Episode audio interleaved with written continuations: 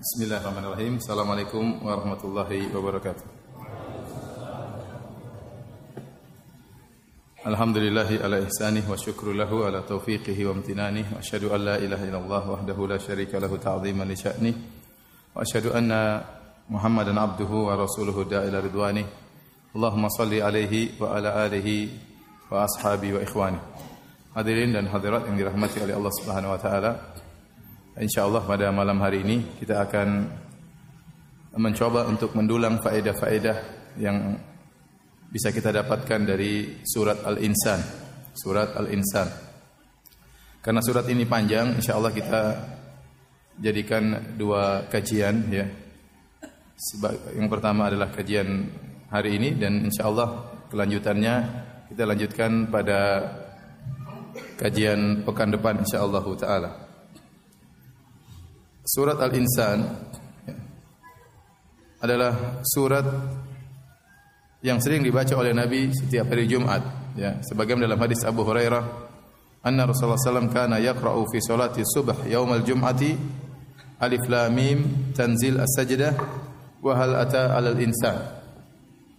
Kata Abu Hurairah adalah Nabi sallallahu alaihi wasallam kana artinya sering karena itu menunjukkan di antara maknanya adalah sering membaca setiap Jumat pagi solat subuh dua surat. Alif Lam Mim Tanzil As-Sajdah ya Alif Lam Mim Sajdah yang kedua adalah surat uh, Al-Insan atau surat Hal Ata Al Insan.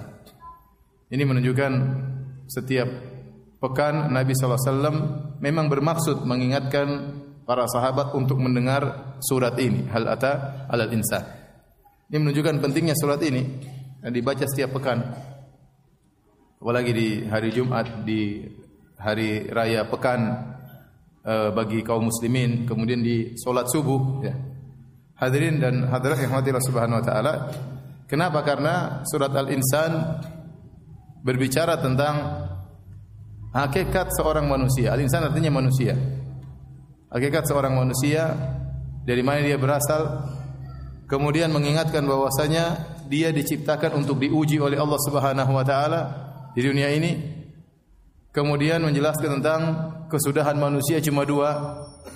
Ya, imma syakiran wa imma kafura. Apakah bersyukur ataukah kufur? Setelah itu Allah sebutkan bagaimana balasan bagi orang-orang yang bersyukur dan bagaimana balasan bagi orang-orang yang kufur.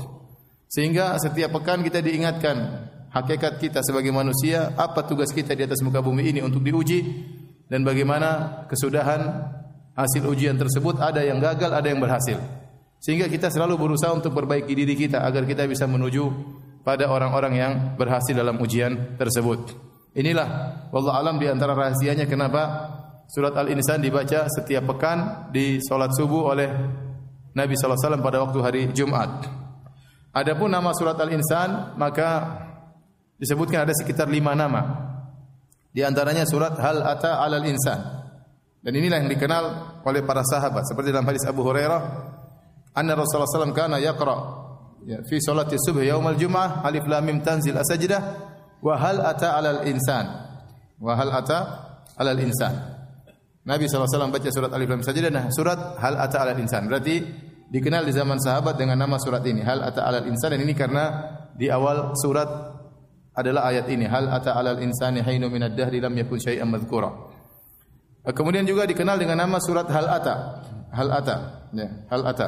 Kemudian juga dikenal dengan nama surat ad-dahr. Karena dalam ayat ini Allah mengatakan hal ata alal insani hainum minad dahri. Ya bukankah telah datang kepada manusia suatu zaman minad dahri dari suatu zaman. Dahar artinya masa. Ya. Kemudian juga namanya adalah al-amshaj. Ya, amsyajin karena kata atau lafal amsyaj ini tidak terdapat dalam surat-surat yang lain kecuali surat Al-Insan. Dan biasa di antara penamaan surat dicari lafal yang istimewa yang orang begitu dengar lafal tersebut maka mengingat surat tersebut. Maka dicari lafal apa? Amsyaj. Amsyaj artinya campuran. Surat Al-Amsyaj. Kemudian juga disebut dengan surat Al-Abrar ya. Karena dalam Al-Quran dalam surat ini juga disebut innal abrar yashrabun al-abrar ya tetapi al-abrar sering disebutkan dalam surat-surat yang lain intinya inilah di antara eh, nama-nama surat Al-Insan ya. Yang di antaranya juga surat Al-Insan ya. Jadi berapa nama? Hal ata alal insan, surat hal ata, surat Ad-Dahr, surat apa tadi? Al-Amsyaj, surat Al-Abrar, surat Al-Insan. Ada sekitar 6 6 namanya. Taib uh, surat Al-Insan ya diperselisihkan oleh para ulama apakah dia surat Makkiyah atau surat Madaniyah. Ada tiga pendapat. Sebenarnya mengatakan dari awal sampai akhir surat Makkiyah. Pendapat kedua dari awal sampai akhir surat Madaniyah, yaitu seluruh ayatnya Madaniyah. Sebagaimana sering kita sampaikan, Makkiyah yaitu turun sebelum Nabi berhijrah. Madaniyah turun setelah Nabi berhijrah. Tentu nuansa ayat-ayatnya berbeda antara Makkiyah dan Madaniyah. Kemudian sebagian ulama mengatakan suratnya seluruhnya Makkiyah kecuali satu ayat. Yaitu wa yut'imuna ta'ama ala hubbihi miskinan wa yatiman wa asira. Yang artinya mereka orang-orang soleh tersebut mereka memberi makan ya kepada miskin, yatim dan asir. Asir adalah asir artinya adalah tawanan, ada tawanan. Inilah ayat yang menjadikan ulama memandang bahwasanya dalam surat Al-Insan ada ayat madaniyah atau seluruhnya madaniyah. Kenapa? Karena tawanan tidak terjadi kecuali setelah Nabi di Madinah. Waktu Nabi SAW masih berdakwah di Mekah, Nabi tidak punya tawanan. Bahkan Nabi diusir, bahkan Nabi disiksa, para sahabat disiksa. Dakwanya dihalang-halangi, bagaimana mau bisa punya tawanan? Oleh karenanya, kata wa yut'imuna ta'ama ala hubbihi miskinan wa yatiman wa asira dan mereka ciri-ciri orang saleh adalah memberi makan kepada fakir miskin, kepada anak yatim, kepada tawanan, menunjukkan bahwasanya ayat ini adalah ayat madaniyah, turun di kota Madinah. Tetapi dibantah oleh sebagian ulama dan yang ini pendapat yang lebih kuat bahwasanya seluruhnya adalah makiyah. Dari awal sampai akhir adalah makiyah. Kenapa? Karena nuansanya nuansa ayat-ayat makiyah tentang hari kiamat ya, tentang orang-orang yang mendustakan akhirat ya, tentang penciptaan. Ini semua nuansa uh, ayat-ayat Makkiyah sebagaimana yang sudah kita bahas dalam surat-surat juz amma. Isinya seperti itu, ya. Mengingat tentang hari akhirat. Ini rata-rata adalah ayat Makkiyah. Adapun ayat penyebutan miskinan wa yatiman wa asira tentang tentang tawanan, maka tidak menunjukkan bahwasanya itu harus di Madinah karena orang-orang Arab dahulu juga mereka sering menawan. Terjadi per, per, per, pertikaian di antara mereka, peperangan di antara kabilah sehingga ada yang yang ditawan. Dan itu sudah dari dulu. Maka tidak harus maksudnya adalah setelah peperangan antara Islam dengan kafir. Ya, bisa jadi mereka punya tawanan atau tawanan tersebut ada yang mengartikan artinya budak-budak karena budak-budak artinya tawanan. Ya. Ya. Ada yang mengatakan bahwasanya asirat di situ adalah istri karena istri apa? Kata Nabi SAW, Fattakullaha fin nisa, fa innahunna awanin indakum. Kata Nabi SAW, bertakwalah kepada Allah terhadap para wanita. Karena sungguhnya mereka adalah tawanan di sisi kalian. Artinya tidak bisa macam-macam ya. Mereka ditawan di rumah, maka seorang harus memberikan makanan yang terbaik bagi istrinya. Ini sebagian tafsir terhadap kata asir, tawanan. Sehingga Allah alam bisawab yang benar, seluruh ayat dari awal sampai akhir adalah makiyah. Adalah ayat apa? Makiyah. Baik. Uh, kita masuk pada awal surat. Kata Allah Subhanahu wa taala uh, Hal ata 'alal insani hinu min ad-dahri. Hal adalah kata istifhamiyah. Kalau kita istifham artinya pertanyaan, ya. Kalau kita terjemahkan dalam bahasa Indonesia artinya apakah atau bukankah? Bukankah ata alal insani telah datang kepada manusia hinu minad dahri suatu zaman, suatu masa dari suatu zaman lam yakun syai'an madhkura. Lam yakun syai'an madhkura. Waktu itu dia belum sesuatu yang bisa disebut. Belum sesuatu yang bisa disebut. Di sini al-insan ya secara umum ada dua pendapat. Pendapat pertama al-insan sini alif lamnya adalah alif lam al-ahdiyah. Kalau kita artikan dalam bahasa Indonesia, bukankah telah datang kepada manusia tersebut yaitu seorang manusia yang sudah ditentukan maksudnya Nabi Adam alaihissalam. Alif lamnya adalah alif lam alif lam al ahdiyah. Dalam bahasa Arab disebut dengan alif lam al ahdiyah. Maksudnya antum tidak tahu bahasa Arab jadi saya bingung juga nyampaikannya. Kemudian pendapat yang kedua alif lam namanya alif lam lil istighraq artinya memberikan keumuman keumuman. Kalau kita artikan Hal ata alal insan artinya telah da, bukankah telah datang kepada seluruh manusia. Seperti alif lam dalam firman Allah wal asr innal insana lafi khusr. Artinya apa demi masa? Bukan artinya sesungguhnya manusia itu manusia tersebut dalam kerugian. Kalau manusia tersebut satu orang. Tetapi arti dalam surat ini wal asr innal insana sungguhnya seluruh manusia. Al seakan-akan maknanya kulla insan, seluruh manusia dalam kerugian kecuali yang begini begini begini begini. Alladzina amanu wa amilus solihat dan seterusnya. Maka ayat ini pun demikian ada dua pendapat di kalangan para ulama. Mereka mengatakan pertama Allah berbicara tentang Nabi Adam. Hal ata alal insan. Bukankah telah datang kepada Adam ya, suatu masa di mana dia belum sesuatu yang bisa disebut. Ya. Kita diingat tentang nenek, moyang kita. Adam alaihissalam. Adam alaihissalam kapan diciptakan? Dia termasuk makhluk yang terakhir diciptakan.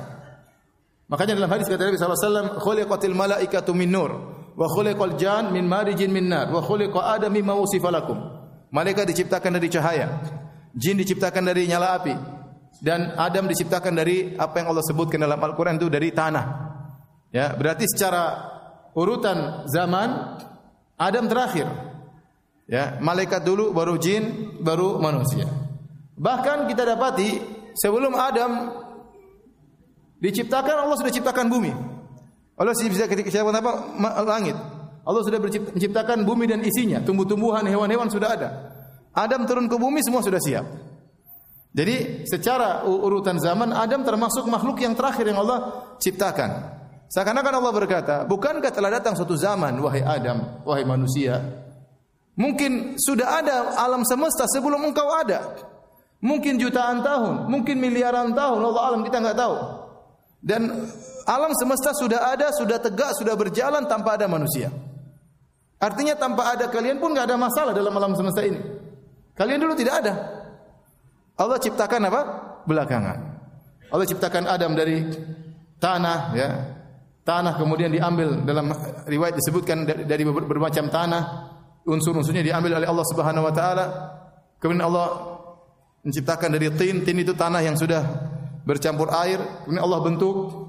Setelah dibentuk, kemudian uh, dibiarkan dibiarkan dulu tin tersebut menjadi hitam. Setelah agak lama baru kemudian dibentuk menjadi uh, Nabi Adam.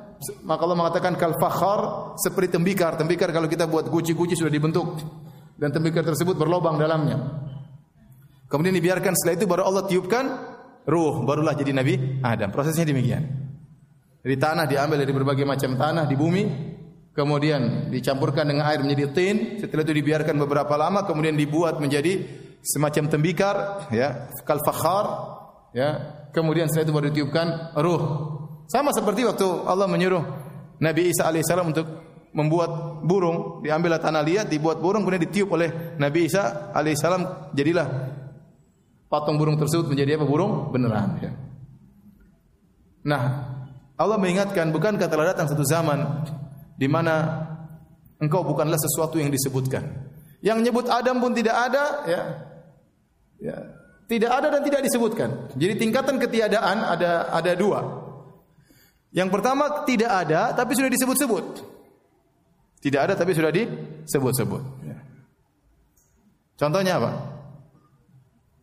Contohnya misalnya Insya Allah tahun 2020 ya kita akan bikin ini nih. Padahal belum ada. Tapi sudah disebut-sebut. Dari tahun 2020 atau tahun 2025 kita akan bikin gini. Belum ada, tapi sudah disebut-sebut, sudah diplanningkan, sudah direncanakan ya. Setelah tahun 2025 baru dibikin. Itu namanya sudah ada ya, eh sudah disebut tapi belum belum ada. Tingkatan yang lebih parah belum ada dan belum di disebut. Enggak disebut sama sekali.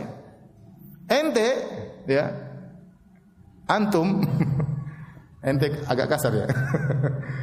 antum seribu tahun yang lalu ada yang sebut-sebut antum? Enggak ada. Bekasi aja mungkin belum disebut Bekasi. Apalagi antum yang tinggal di Bekasi. Belum ada ya antum belum ada dan belum disebut-sebut. Menunjukkan ketiadaan yang sempurna, belum ada dan belum disebut. Maka antum harus sadar itulah asal kita, asal nenek moyang kita Adam alaihissalam dulu belum ada dan belum disebut. Ada yang mengatakan syai'an mazkuran sudah disebut tapi belum ada nilainya. Ya, syai'an ini suatu yang disebut-sebut artinya ada tapi belum belum ada nilainya. Ini pendapat sebagian ahli tafsir. Taib ini pendapat pertama tentang al-insan di situ alif lam adalah al-ahdiyah artinya Adam. Telah datang kepada Adam sebelumnya suatu zaman yang lama yang dia belum merupakan suatu yang disebut. Alam semesta ini sudah tegak tanpa ada adanya Adam, tanpa adanya Adam. Mungkin jutaan tahun, mungkin miliaran tahun, wallahu alam bisawab. Karena Adam adalah termasuk makhluk terakhir yang diciptakan oleh Allah Subhanahu wa taala. Pendapat yang kedua, al-insan di sini maksudnya adalah manusia seluruhnya. Hal ata alal insani hainu minad dahri. Artinya topik bicara kepada kita. Wahai manusia sekalian, bukankah telah datang suatu zaman di mana engkau belum ada dan belum disebut-sebut? Seperti saya katakan tadi, ya. Kita ini seribu tahun yang enggak seribu tahun, seratus tahun yang lalu enggak ada yang sebut. Dua ratus tahun yang lalu ada yang sebut Firanda Andirja enggak ada. Ya. 200 tahun yang lalu bahkan bapak ibu saya belum lahir.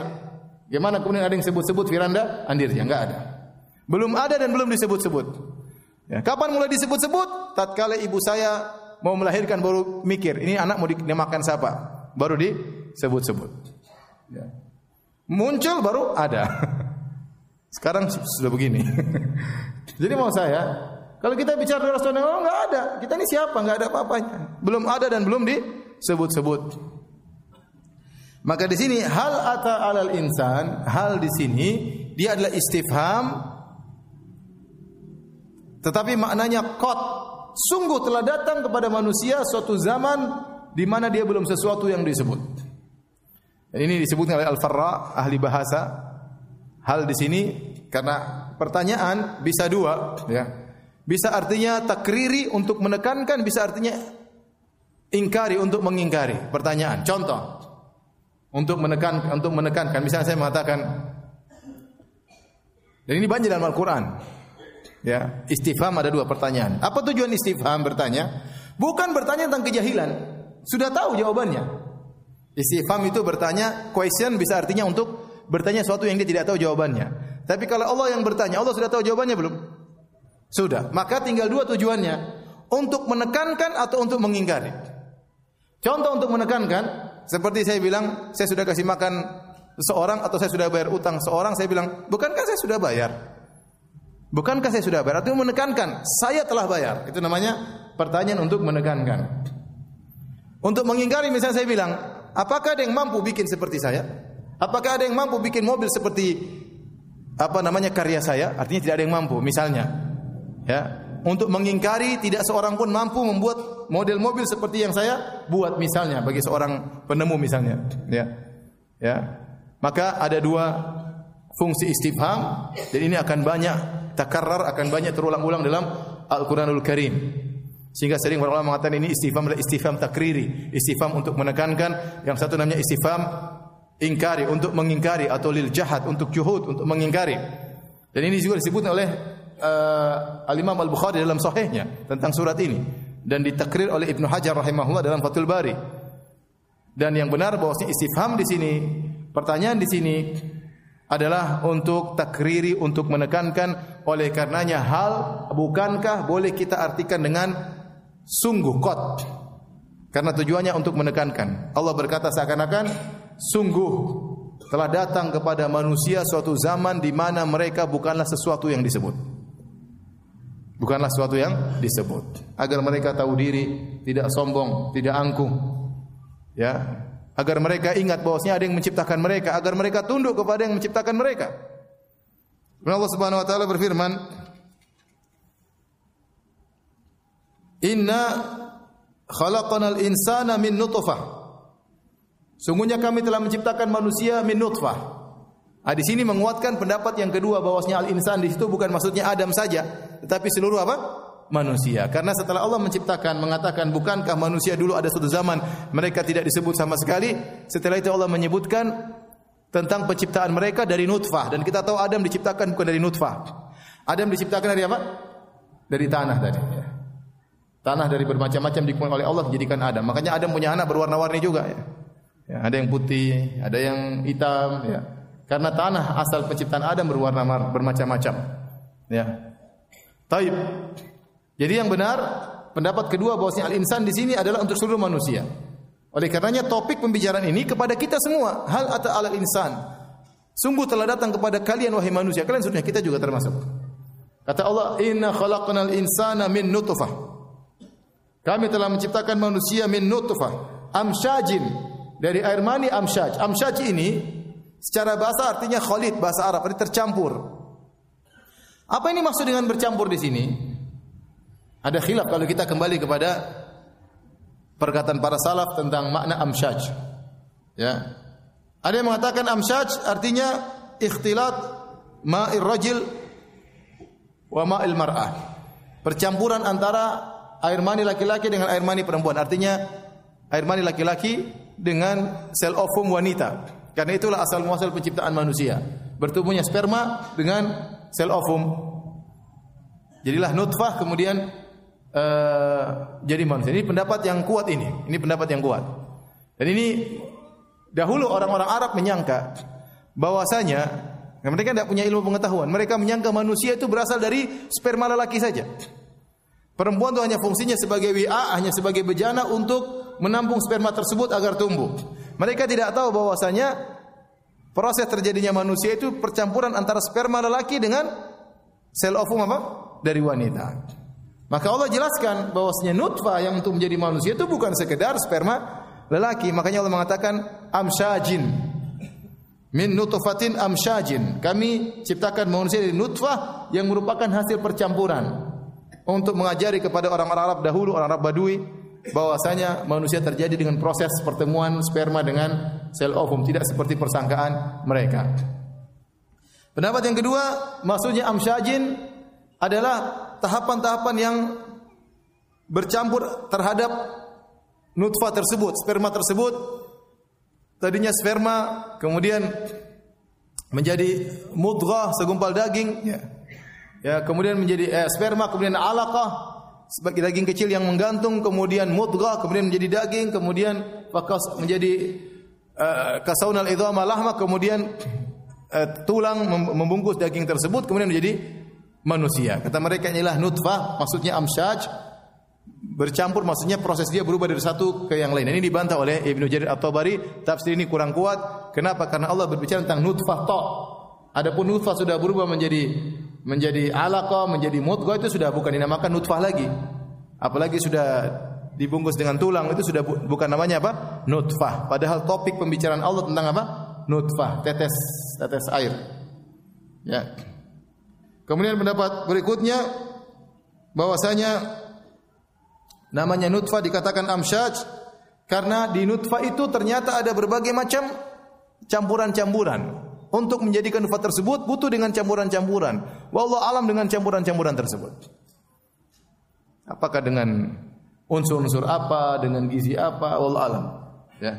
Kemudian juga ada yang mengatakan bahwasanya maksudnya nutfah amsyaj yang tadi saya sebutkan Nutfah itu kalau ini kembali kepada uh, Nabi Adam bahwasanya nutfah nutfah terdiri atas bermacam-macam ya sehingga manusia itu tabiatnya juga bermacam-macam karena nutfah itu bermodel-model. Tapi saya katakan pendapat yang kuat maksudnya amsyaj di sini adalah percampuran antara sperma dengan sel ovum wanita. Apa tujuannya kata Allah? Nabatali. Kami ini menciptakan manusia ya nabtali untuk mengujinya agar kita sadar bahwasanya kita diciptakan oleh Allah itu adalah untuk diuji makanya ikhwan antum berusaha punya hafalannya kalau antum hafal surat ini antum dengar setiap hari Jumat pagi antum betah mendengarnya tapi kalau antum enggak punya hafalan antum dengar imam kok lama sekali karena antum tidak tahu artinya Ya, kalau tahu artinya, tahu tafsirnya, kita merasa lezat khusyuk di belakang imam. Dia baca mau cepat mau pelan kita ngerti maknanya sehingga kita seakan-akan dibawa alur cerita oleh sang imam. Ya. Makanya Ibnu Jarir atau Bari mengatakan saya heran bagaimana seorang bisa merasa lezat baca Al-Qur'an dia tidak tahu tafsirnya. Ya kita bilang kelezatan bertingkat-tingkat ya. Tapi maksud saya antum belajarlah bahasa Arab ya. Mau belajar bahasa Arab tidak? Mau ragu-ragu. Belajar bahasa Arab, kemudian berusaha untuk mengerti maknanya. Itu ada kelezatan tersendiri tatkala kita uh, membaca Al-Quran. Kata Allah, nabtalihi, kita ciptakan manusia, nabtalihi adalah untuk mengujinya. Ya. Jadi Allah menyebutkan nikmat yang Allah berikan kepada manusia, bahwasanya dia diciptakan dari air mani dan prosesnya. Tujuannya apa? Adalah untuk menguji manusia. Allah menciptakan kita bukan untuk abas, untuk sekedar bermain-main, bersenda gurau, hanya sekedar uh, tanpa tujuan, tidak. Abas itu tanpa tujuan, tidak ada. Allah menciptakan semuanya karena ada hikmah. Tidak ada perbuatan Allah yang tanpa hikmah. Semuanya adalah dengan hikmah. Tidak seperti kita manusia kita melakukan sesuatu terkadang main-main, nggak ada tujuan, hanya sekedar ngabisin waktu, hanya sekedar membuang waktu, nggak tahu bingung bikin apa. Tapi Allah seluruh perbuatannya pasti ada hikmahnya. Tatkala Allah menciptakan manusia tujuannya adalah untuk nabtalihi, untuk mengujinya. Dan ini banyak dalam Al-Qur'an. Ya. Alladzi khalaqal mauta wal hayata liyabluwakum. Yang menciptakan kematian dan kehidupan untuk menguji kalian. Inna ja'alna ma 'alal ardi zinatan laha linabluwahum ayyuhum ahsanu amala. Kami menciptakan perhiasan di atas muka bumi ini dengan berbagai macam kenikmatan untuk menguji manusia. Jadi Allah jelaskan Allah ciptakan kita ini untuk apa di diuji. Nabtalihi. Dan kata Allah Subhanahu wa taala, "Faja'alnahu sami'an basira."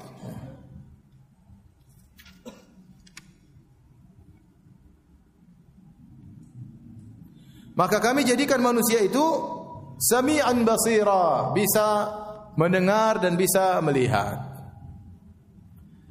Kenapa Allah mengkhususkan penyebutan ini sami'an basira? Kami mengujinya maka kami jadikan dia mendengar dan melihat. Karena dua sifat ini mendengar dan melihat inilah yang biasanya seorang diuji dari sisi itunya, dari sisi mendengar apa yang dia dengar, apa yang dia lihat. Ucapan ini biasanya adalah natijah atau hasil produk dari data yang dikumpulkan oleh penglihatan dan pendengaran. Seorang baca, seorang melihat, seorang mendengar. Maka dia kumpulkan di dadanya kemudian dia ungkapkan dengan lisannya. Jadi sumber dia untuk menghadapi ujian ini adalah pendengaran dan penglihatan. Oleh karenanya Allah uji manusia dari pendengarannya dan dari penglihatannya.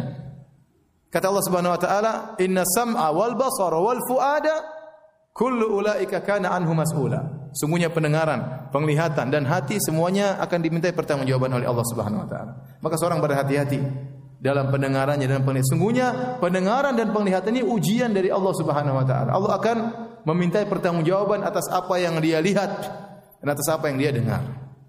Itu menunjukkan semakin beratnya kita hidup di zaman sekarang ini. Terlalu banyak yang kita lihat. Terlalu banyak yang kita apa? Dengar.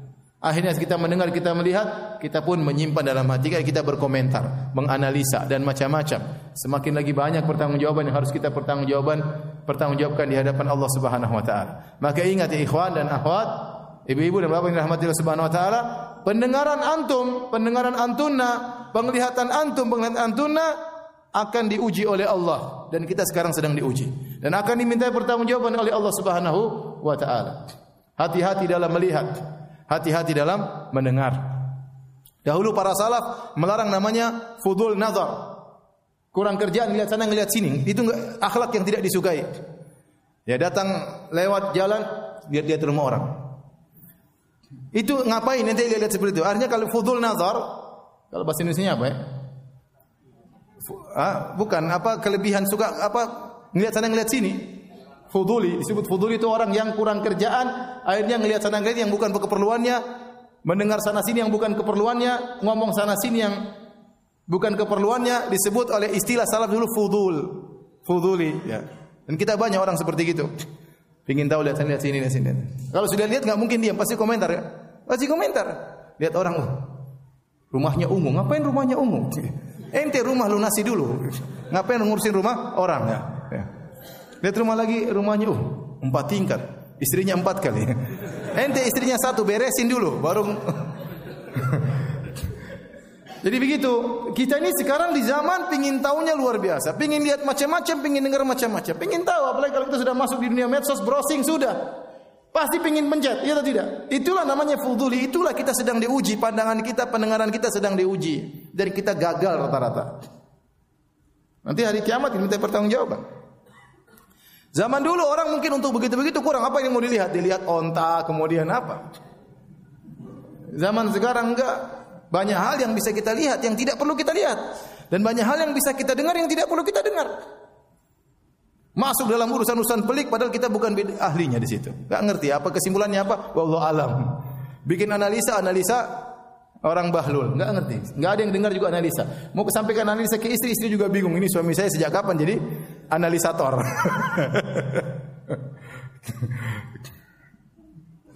Baik, ini mengingatkan kita. Ini makanya disunahkan kalau kita di Madinah setiap pekan kita dengar surat ini. Hampir imam-imam itu baca. Surat pertama, rakaat pertama uh, Alif Lam Mim Sajdah, rakaat kedua apa hal ata alal insan. Kalau di Masjid Nabawi nah, hampir bisa dipastikan kalau Syekh Ali Al-Hudzaifi jadi imam, insya Allah dia baca surat dua ini. Karena ini sunnah. Ya, memang panjang ya, panjang, bacanya panjang. Ya, tetapi kalau kita ngerti kita dapat faedah. Kata Allah Subhanahu wa taala, "Inna hadainahu sabila." Kami beri petunjuk kepada dia jalan. Kami tunjukkan jalan. Jalan kebenaran silakan. Allah tunjukkan jalan-jalan kebenaran. Imma syakira wa imma kafura. Dua hasilnya. Dua model aja hasil. Kalau dia bersyukur atau dia kufur. Subhanallah. Perhatikan dalam ayat ini. Allah sebutkan hasil. Setelah Allah uji pendengaran penglihatan seorang, Allah bilang, imma syakiran wa imma kafura. Kalau dia tidak bersyukur, dia kufur. Ini kembali lagi kepada bahasa Arab. Syakir dalam bahasa Arab artinya isim fa'il. Yang artinya bersyukur. Kafur dalam bahasa Arab artinya apa sifat mubalaghah. Kalau kita terjemahkan bahasa ada hiperbolanya, kalau kita terjemahkan dalam bahasa Indonesia sangat kufur, ada sangatnya. Tatkala Allah menyebutkan syukur, Allah tidak mengatakan sangat syukur. Tapi tatkala Allah bilang kufur, Allah mengatakan sangat kufur. Allah bilang ada dua model manusia, imma syakiran wa imma kafura. Kalau enggak jadi bersyukur, jadi sangat kufur. Kenapa kata para ulama? Karena Allah tidak menuntut antum bersyukur dengan sangat tinggi karena manusia tidak mampu. Antum yang penting dicukup dikatakan seorang bersyukur sudah bisa masuk surga. Mau bisa bersyukur dengan semestinya antum tidak bakalan mampu. Karena nikmat yang Allah berikan kita kepada terlalu apa? Terlalu banyak. Kita tidak bisa bertanggungjawabkannya. Nabi SAW lihat bagaimana Nabi beribadah sampai kakinya bengkak hatta tatawarram qadamah sampai kedua kakinya bengkak dalam riwayat hatta tatafattar qadamah sampai kedua kakinya terbelah-belah.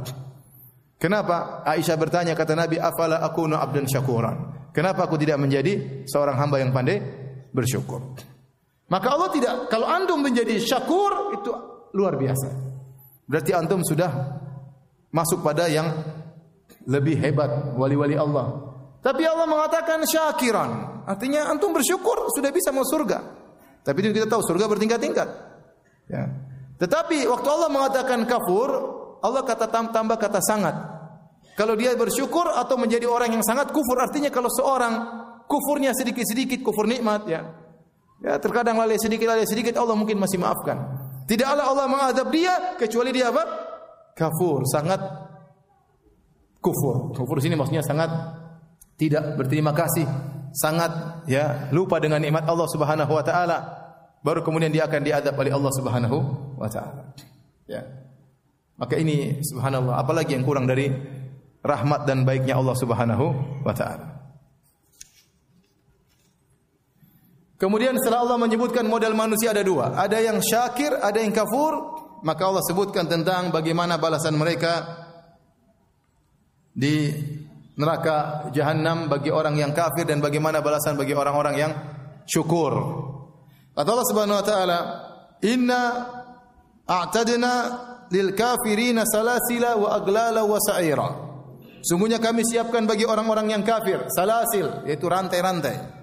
Wa aglalan belenggu-belenggu. Berarti azab itu berbagai macam model. Allah mengadab manusia di neraka jahanam dengan berbagai macam apa? Model siksaan. Ada salasil, ada rantai-rantai. Mereka diikat dengan rantai, ya. ditarik dengan rantai. Ada aglal, aglal belenggu. Tangan mereka dibelenggu, kaki mereka dibelenggu. Ada sa'ira, ada neraka, api neraka yang dinyalakan. Dengan berbagai macam model azab. Ya. ya. Oleh karenanya ada yang diazab di wail, di lembah, ada yang diadab dengan uh, apa uh, apa namanya Allah usul dia manjat gunung yang sangat ya tinggi yang sangat panas dengan berbagai macam siksaan. Di antaranya yang Allah sebutkan di sini salasila wa aglalan wa sa'ira. Itu ada rantai, ada belenggu dan ada api yang dijalakan oleh Allah Subhanahu wa taala. Setelah itu Allah Subhanahu wa taala sebutkan uh, tentang para penghuni surga, orang-orang yang bersyukur. Innal abrara yashrabuna min ka'sin kana mizajuha kafura. Sungguhnya orang-orang al-abrar. Al-abrar jamak dari al-bar atau al-bar, yaitu orang yang sangat baik. Sebenarnya mengatakan sebagaimana pernah kita sebut dalam tafsir juz amma, al-bar secara bahasa menunjukkan keluasan, menunjukkan keluasan. Ya. Makanya dikatakan daratan dengan al-bar, ya, karena menunjukkan keluasan. Sehingga tidaklah dikatakan seorang bar atau seorang abror kecuali dia melakukan kebajikan yang banyak. Ya, ini tingkatan surga tertentu ya, al-abror. Kalau dia bersedekah dia sedekahnya banyak. Kalau dia salat malam salat malamnya banyak. Kalau dia baca Quran dia baca Qurannya banyak. Ya, kalau dia salat sunnah dia salat sunnahnya banyak. Ya, bukan sekedar sekedarnya tidak, tapi dia benar-benar baik. Ya. Sebenarnya mengatakan al-abrar mengumpulkan dua, yaitu berbuat baik kepada Allah dan tidak mengganggu orang lain. Makanya sebagian ulama mengatakan apa yang disebut dengan orang soleh? Orang soleh itu orang yang menunaikan hak Allah dan hak manusia. Hak Allah dia tunaikan, hak manusia dia tunaikan. Kewajibannya kepada orang tuanya dia tunaikan, kewajibannya kepada istrinya dia tunaikan, kewajibannya kepada suaminya dia tunaikan, kewajibannya kepada anak-anaknya dia tunaikan, kewajibannya kepada saudaranya, kepada tetangganya dia tunaikan. Dia tidak menahan hak orang lain. Kalau dia sudah menunaikan hak Allah dan sudah menunaikan hak manusia, dia sudah tunaikan, maka dia adalah orang yang saleh, dia adalah orang yang abrar. Sebenarnya Allah mengatakan seperti riwayatnya dari Ibnu Umar. Ibnu Umar radhiyallahu anhu berkata, "Inna ma sammahumullahu jalla thana'uhu al-abrara li'annahum barrul aba, aba wal abna." Perhatikan sini, ini tafsir Ibnu Umar. Ibnu Umar berkata, sungguhnya mereka penghuni surga ini disebut dengan al-abrar, orang-orang yang berbakti Kenapa? Karena mereka berbakti kepada orang tua mereka dan berbuat berbuat baik kepada anak-anak mereka.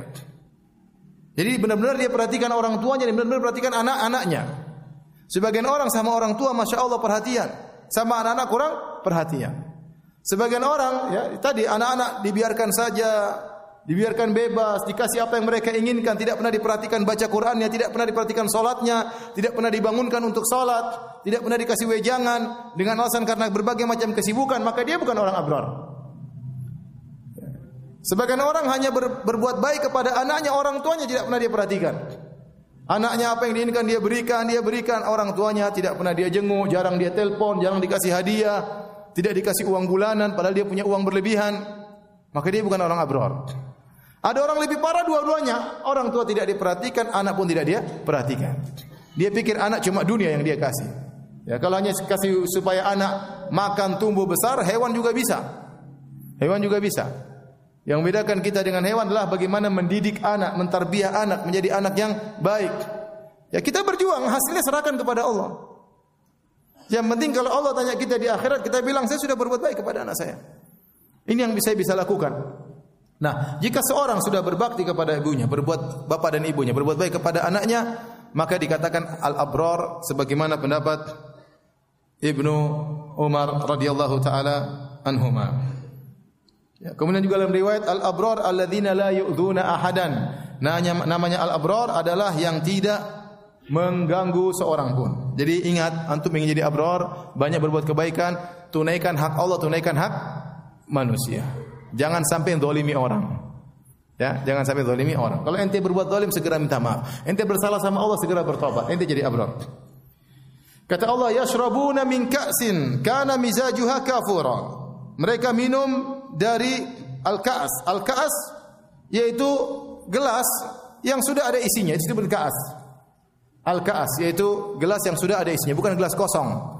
Jadi mereka minum dari gelas yang sudah berisi dengan khamar di akhirat ya yang disediakan oleh pelayan-pelayan di sana ya khamar terus eh, gelas tersebut sudah berisi mereka tinggal tinggal minum dari gelas tersebut kana mizajuha kafura di mana isi khamar tersebut tercampur dengan kafur kafur adalah semacam uh, zat yang dikeluarkan madah atau zat yang dikeluarkan dari pohon yang sudah tua ya yang mengeluarkan warna putih dan baunya harum ya tentunya dan asalnya bukan diminum tapi dia hanya memiliki bau yang harum dan warnanya putih bagus. Sehingga kata para ulama maksudnya kafur di sini dari sisi harumnya dan dari sisi warnanya putih. Ya. Adapun rasanya rasa khamar, tentu khamar dunia tidak sama dengan khamar di akhirat. Ya. Allah hanya menyebutkan kafur supaya orang bisa mudah untuk paham. Tentunya tidak ada yang di atas muka bumi dibandingkan dengan akhirat, tidak ada yang sama. Yang sama cuma sekedar apa? Nama. Hakikat berbeda. Mau bilang madu dunia beda dengan madu akhirat. Mau dibilang khamar dunia beda dengan khamar akhirat. Mau bilang emas dunia beda dengan emas akhirat. Mau bilang pohon dunia beda dengan pohon akhirat. Bayangkan pohon akhirat kata Allah, mamin kata Nabi mamin syajarin illa wasaquha min dhahab. Tidak ada satu pohon pun di akhirat di surga kecuali batangnya terbuat dari emas. Ya, tentu sangat beda. Ya. Sungai di akhirat tajri min ghairi ukhdud. Sungai mengalir tanpa ada lubangnya. Itu sungai di akhirat. Maka waktu Allah sebutkan kafur, Ya, jangan kita bayangkan kafur barus minum campur kafur barus baru minum. Enggak. Enggak. Ini kafur sekedar dari aroma dan warnanya ya bukan dari rasanya ya. Karena kafur tidak diminum oleh penduduk dunia ya. Kafur digunakan ada mayat meninggal pakai kafur. Kata Allah aina yashrabu biha ibadullah? Mata air di situ juga ada mata air yang ibadullah yashrabu biha minum darinya. Ain secara bahasa Arab artinya mata air. Ada namanya sungai mengalir. Ada namanya ain mata air ya. seharusnya seharusnya kalau secara bahasa yashrab artinya minum. Ainai yashrabu minha. Harusnya secara bahasa Allah mengatakan mata air yang mereka hamba-hamba Allah al-abrar minum darinya. Min artinya darinya. Tetapi ternyata Allah menggunakan biha. Biha artinya dengan. Maka susah untuk kita bayangkan maknanya. Mata air yang mereka minum dengannya. Harusnya kan minum darinya. Iya tidak?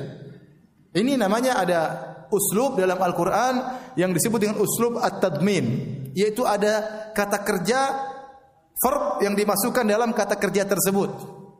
Kata kerja di sini maksudnya minum. Tapi seharusnya kalau minum yaitu minum darinya. Saya minum dari gelas misalnya. Bukan minum dengan gelas. Kalau minum gelas berarti saya bukan minum isinya. Ya, saya bukan mengatakan saya minum dengan air, tapi saya minum dari apa? Air di gelas. Tapi Allah menggunakan biha dengan kata dengan. Kok bisa demikian? Ini bukan penggunaan orang Arab. Orang Arab tidak berbicara dengan seperti ini. Maka para ulama menjelaskan itu namanya ada metode tadmin yaitu ada isyarat kata kerja yang tersembunyi dalam suatu kata kerja. Maksudnya bagaimana? Di akhirat, di surga, orang-orang minum bukan karena kehausan. Orang-orang minum uh, bukan karena kehausan. Paham? Tapi karena apa? Berlezat-lezat. Berlezat-lezat. Karena tidak ada yang haus, tidak ada yang lapar. Kata Allah Subhanahu wa taala, "Innalaka alla tajua fiha wa la ta'ra wa annaka la tazma'u fiha wa la tatha." Wahai Adam, kalau kau masuk surga, kau tidak akan lapar, kau tidak akan kepanasan dan kau tidak akan haus. Tidak akan haus. Ini minum di minum eh, di, di, di, di surga bukan karena haus. Ya. Kalau disebut yashrabu minha, minum darinya seakan-akan karena haus. Sehingga Allah ingin menyatakan dalam lafal minum tersebut ada makna kelezatan. Dan kelezatan kata gandengnya pakai bi, yaltadzu biha kalau bahasa Arab. Susah juga saya jelaskan. ada kata gandeng, kata gandeng. Saya pergi ke ya itu kata gandengnya apa? Ke. Kalau dengan saya makan dengan sendok, bukan saya makan ke sendok, paham? Paham? Nah, dalam bahasa Arab minum kata gandengnya itu dengan eh, dari saya minum dari gelas misalnya. Sementara lezat itu pakai bi. Saya berlezat-lezat dengan. Paham? Nah, sekarang bahasanya saya minum dengan. Kata para ulama maksudnya saya minum dari air mata air tersebut dengan penuh kelezatan.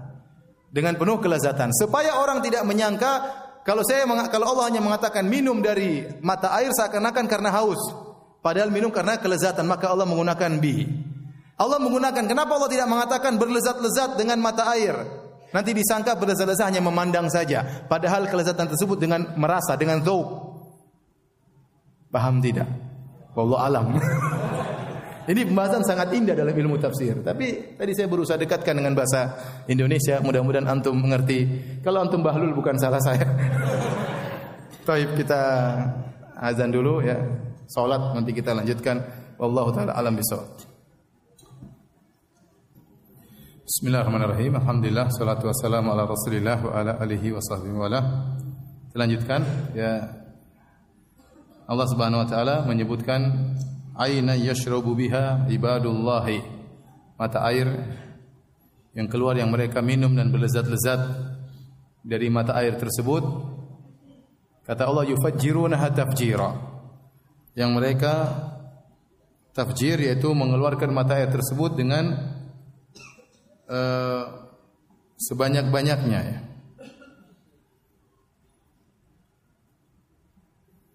Para salaf menyebutkan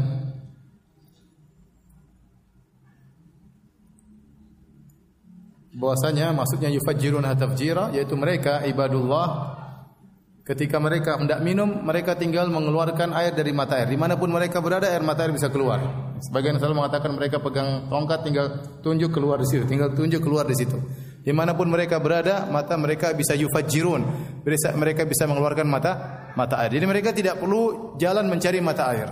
Tapi kapan saja mereka butuhkan mata air mereka tinggal tunjuk mata air maka akan akan keluar dan mereka minum dari situ. Ya, itu makanya Allah sebutkan yufajjirun mereka yang mengeluarkan ya yufajjiruna tafjira ini adalah uh, nikmat yang luar biasa Tatkala kita membaca kenikmatan yang luar biasa Allah berikan kepada al-abrar, maka kita akan bertanya, bagaimana cara kita bisa mendapatkan nikmat-nikmat tersebut? Ya, orang yang baca ayat ini tentu bertanya, bagaimana bisa meraih nikmat kenikmatan yang luar biasa tersebut? Maka Allah langsung kasih jawabannya. Allah sebutkan tentang sifat orang-orang soleh, sifat-sifat al-abrar yang mereka berhak untuk mendapatkan nikmat-nikmat tersebut. Yang pertama kata Allah, yufuna bin nadri mereka menunaikan nazar mereka. Di sini nazar yang benar adalah bukan maknanya nazar yang sebagaimana kita ketahui saja. Nazar itu berjanji kepada Allah saya akan begini, saya akan uh, bersedekah sekian kalau saya begini ya. Apalagi nazar tersebut kata para ulama nazar yang makruh innama yustakhraju minal bakhil Nazar ya dikeluarkan dari orang yang bakhil yang mengatakan kalau saya sehat saya akan bersedekah sekian. Kalau enggak sehat enggak jadi bersedekah. Itu namanya nazar muqayyad dan itu hukumnya makruh. Beda dengan nazar mutlak. Nazar mutlak itu dia tidak menyebutkan syarat. Kalau nazar muqayyad tadi kalau saya lulus, kalau saya sehat, kalau saya begini, saya akan begini. Itu namanya nazar muqayyad, nazar bersyarat dan ini hukum asalnya makruh. Tapi kalau dia sudah terlanjur bernazar maka dia harus tunaikan, tunaikan. Bukan nazar itu, Allah alam bisawab yang dimaksud, tapi nazar maksudnya seorang mengilzamkan dirinya untuk saya akan begini, meskipun tanpa ada syarat, ya. Atau dia maksudnya bernazar menunaikan nazarnya artinya dia benar-benar menjalankan ketaatan kepada Allah. Dia sudah bertekad dalam dirinya saya akan selalu sholat lima waktu di masjid misalnya. Dia bertekad kalau saya punya uang saya akan umrah dan dia tunaikan semuanya. Dia tunaikan semuanya. Oleh karenanya kata para ulama Allah menggunakan kata fi'il mudhari. Fi'il mudhari itu uh, present ya, ada past tense, ada apa? Present present tense dan ada future ya, future. Maksudnya mudhari itu yang sedang. Sedang. Yufun itu fi'il mudhari dalam bahasa Arab. Ya. Present ya. Apa? Present ya, present. Present tense ya. Jadi mengandung present tense dan ada mengandung future, ya, masa depan. Jadi maksudnya yufuna bin nadar ini Allah tidak mereka Allah tidak mengatakan mereka telah menunaikan nadar.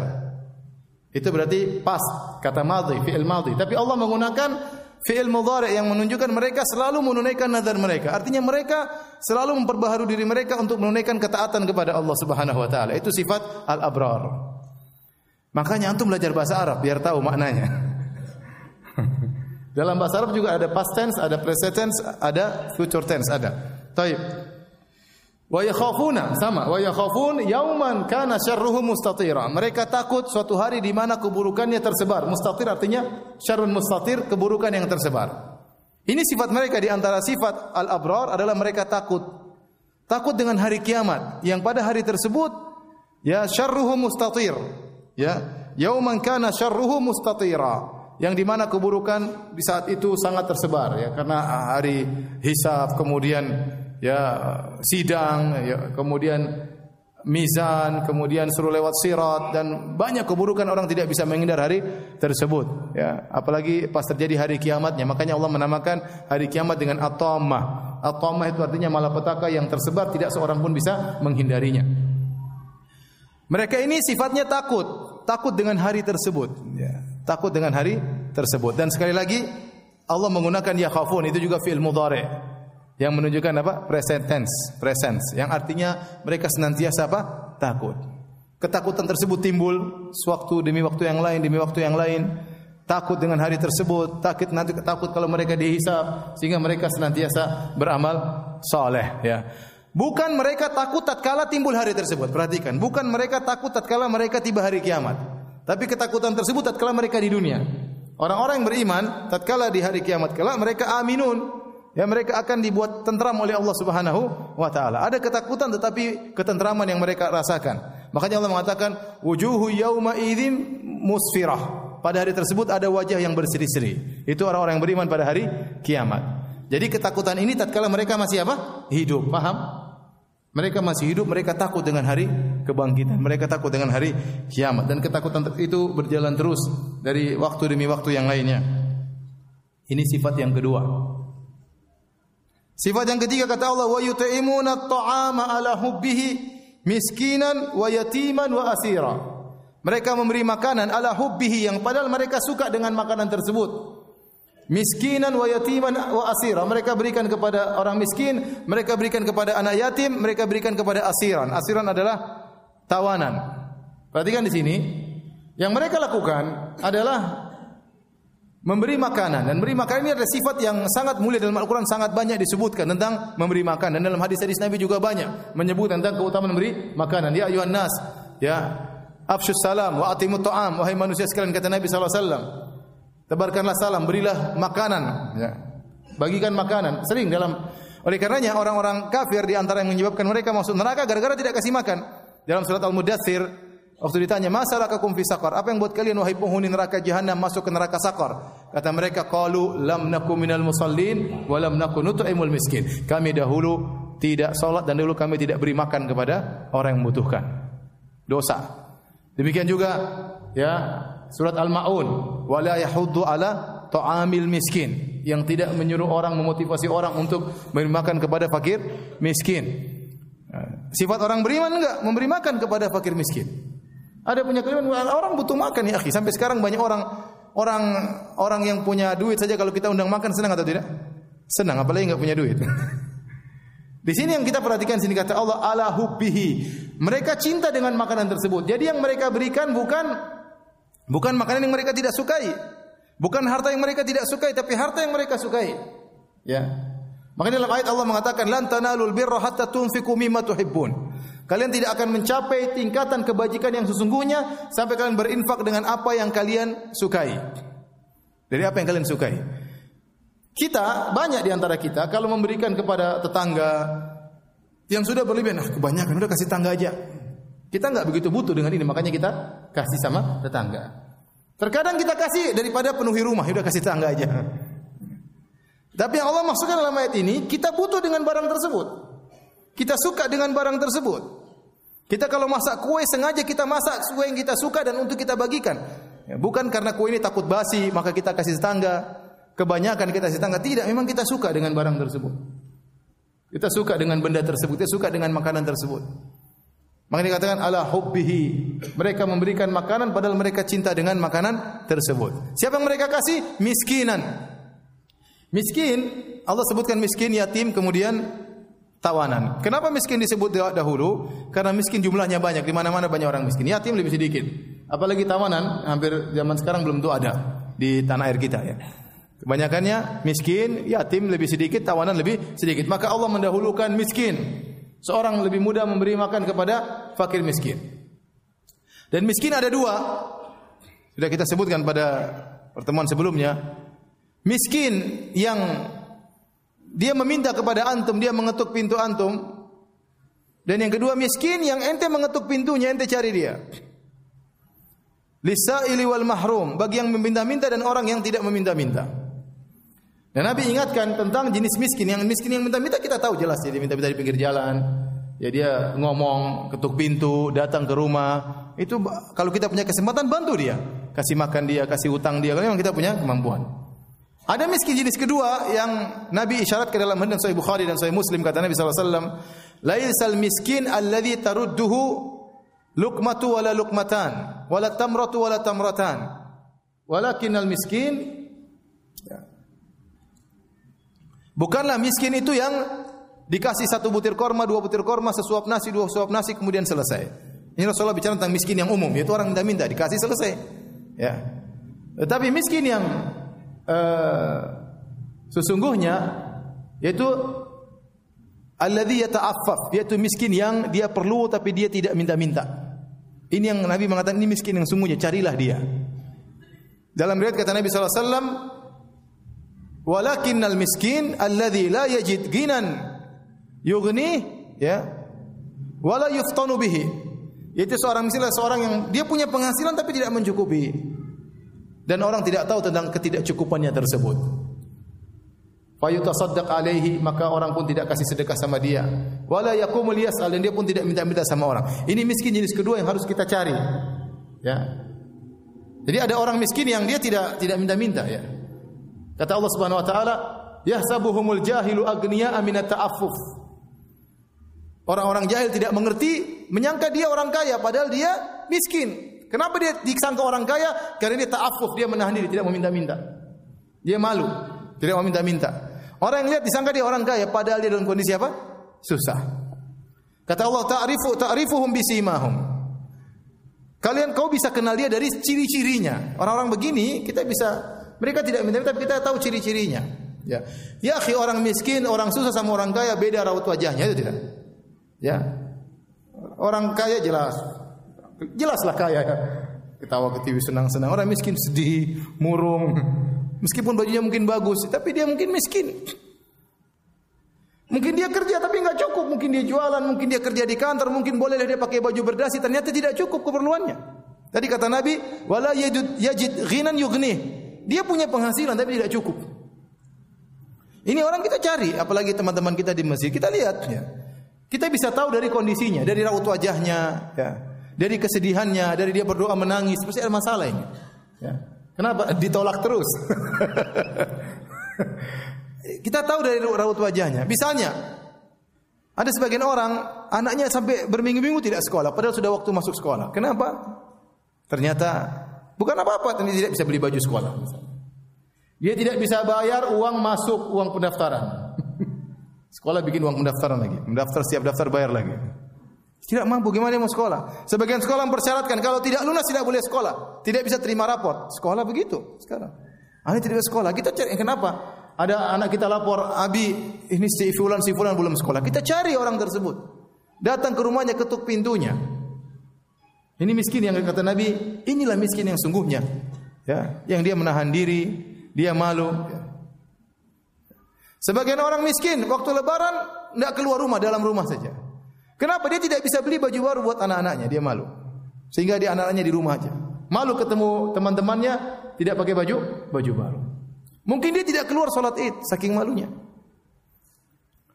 Oleh karenanya miskin seperti ini kita cari. Ada seorang mungkin rajin untuk ilmu, lama, kemudian sudah lama dia tidak untuk ilmu. Saya tanya, kenapa dia tidak pernah ikut pengajian? Ternyata dia ada keperluan harus dia kerjakan. Kita bantu orang seperti ini. Ya, maka ingat miskin ada dua. Ada miskin yang mengetuk pintu rumah antum, antum kasih. Ada miskin model kedua yang antum mengetuk pintu rumahnya.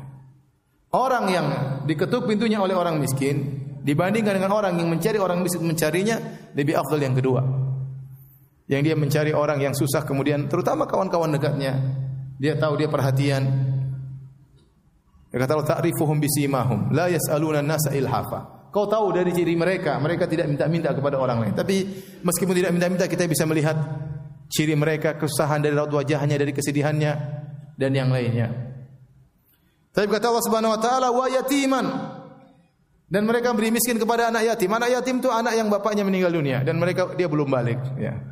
Itu definisi yatim. Definisi yatim. Sebenarnya kalau anak sudah balik tidak dikatakan yatim lagi. Kalau dia belum balik baru disebut dengan apa? yatim. Selama bapaknya kalau meninggal. Kalau yang meninggal ibunya tidak dikatakan yatim karena bapaknya masih bisa apa namanya? mencari nafkah buat dia. Bapaknya masih bisa kawin lagi untuk apa namanya? mengayomi sang anak. Tapi dikatakan yatim kalau bapaknya meninggal dan dia belum apa? balik. Kalau dia sudah balik dia bisa kerja. Kalau yang perempuan sudah balik bisa dinikahi. Ini secara syar'i itu namanya yatim. Tetapi kebanyakan yatim-yatim di tanah air kita atau di mana pun kalau sudah balik berubah menjadi miskin. Paham? Dia mungkin sudah tidak yatim tapi masih apa? Miskin. Sekolah nggak ada yang tanggung, nggak ada yang perhatian sama dia. Maka lanjutkan aja, nggak ada masalah.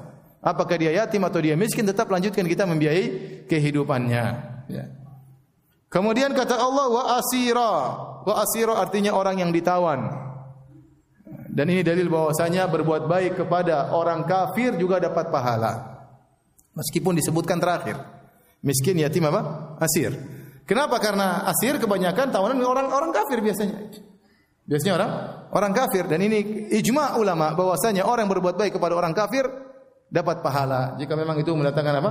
kemaslahatan. Apalagi kalau kita membantu orang muslim. Jadi kalau ada bencana misalnya menimpa orang kafir kita bantu. Meskipun agama berbeda, enggak ada masalah.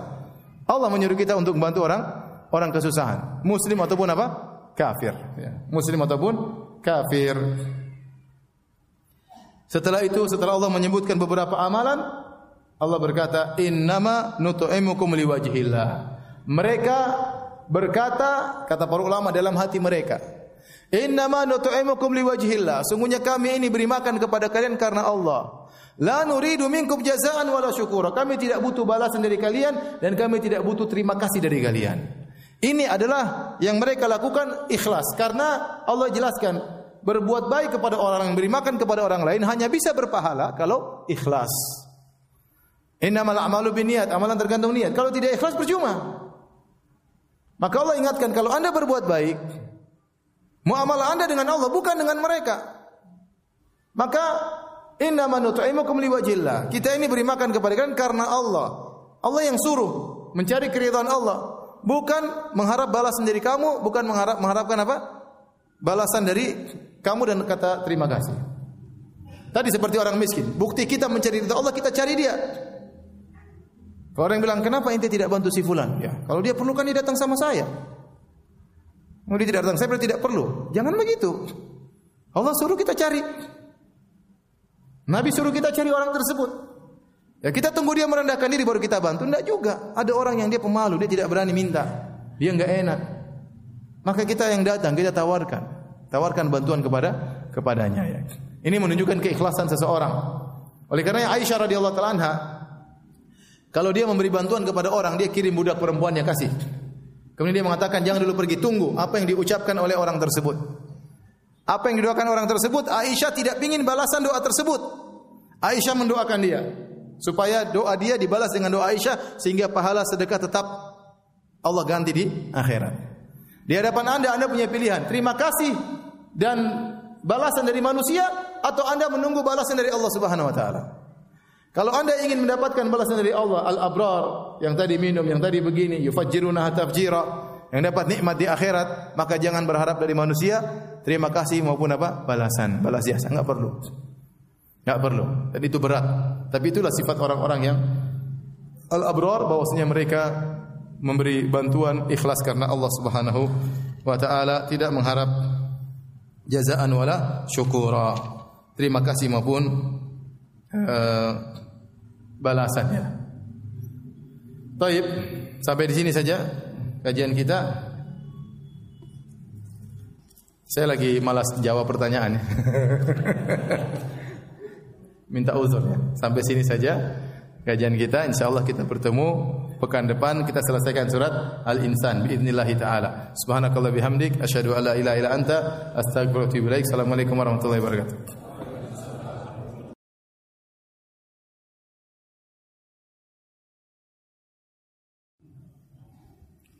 Bismillahirrahmanirrahim. Assalamualaikum warahmatullahi wabarakatuh. Alhamdulillahi ala ihsani wa syukru lahu ala taufiqihi wa amtinani wa asyhadu an la ilaha illallah wahdahu la syarika lahu ta'ziman li sya'ni wa asyhadu anna Muhammadan abduhu wa rasuluhu da'ala ridwani. Allahumma salli alaihi wa ala alihi wa ashabihi wa ikhwani. Hadirin dan hadirat yang dirahmati Allah Subhanahu wa taala, pada pekan lalu kita sampai pada ayat yang ke-9 dan insyaallah pada kesempatan kali ini uh, kita masuk pada ayat yang ke-10. Benar ya? Udah lupa? Benar ya? 10. Ayat 10 sekarang. Uh, Allah menyebutkan tentang ciri-ciri al-abrar, ciri-ciri penghuni surga yang mendapatkan kenikmatan yang luar biasa. Ya, sebagaimana kita sebutkan pada pertemuan yang lalu di surga, di antara ciri-ciri mereka sudah kita sebutkan yaitu ayat yang ke-9, 8 dan 9 bahwasanya mereka memberi makanan yang makanan tersebut mereka sukai padahal mereka sukai mereka berikan kepada anak yatim kepada orang miskin dan kepada tawanan dan mereka memberikan makanan tersebut ikhlas karena Allah. Innama nut'imukum liwajhillah.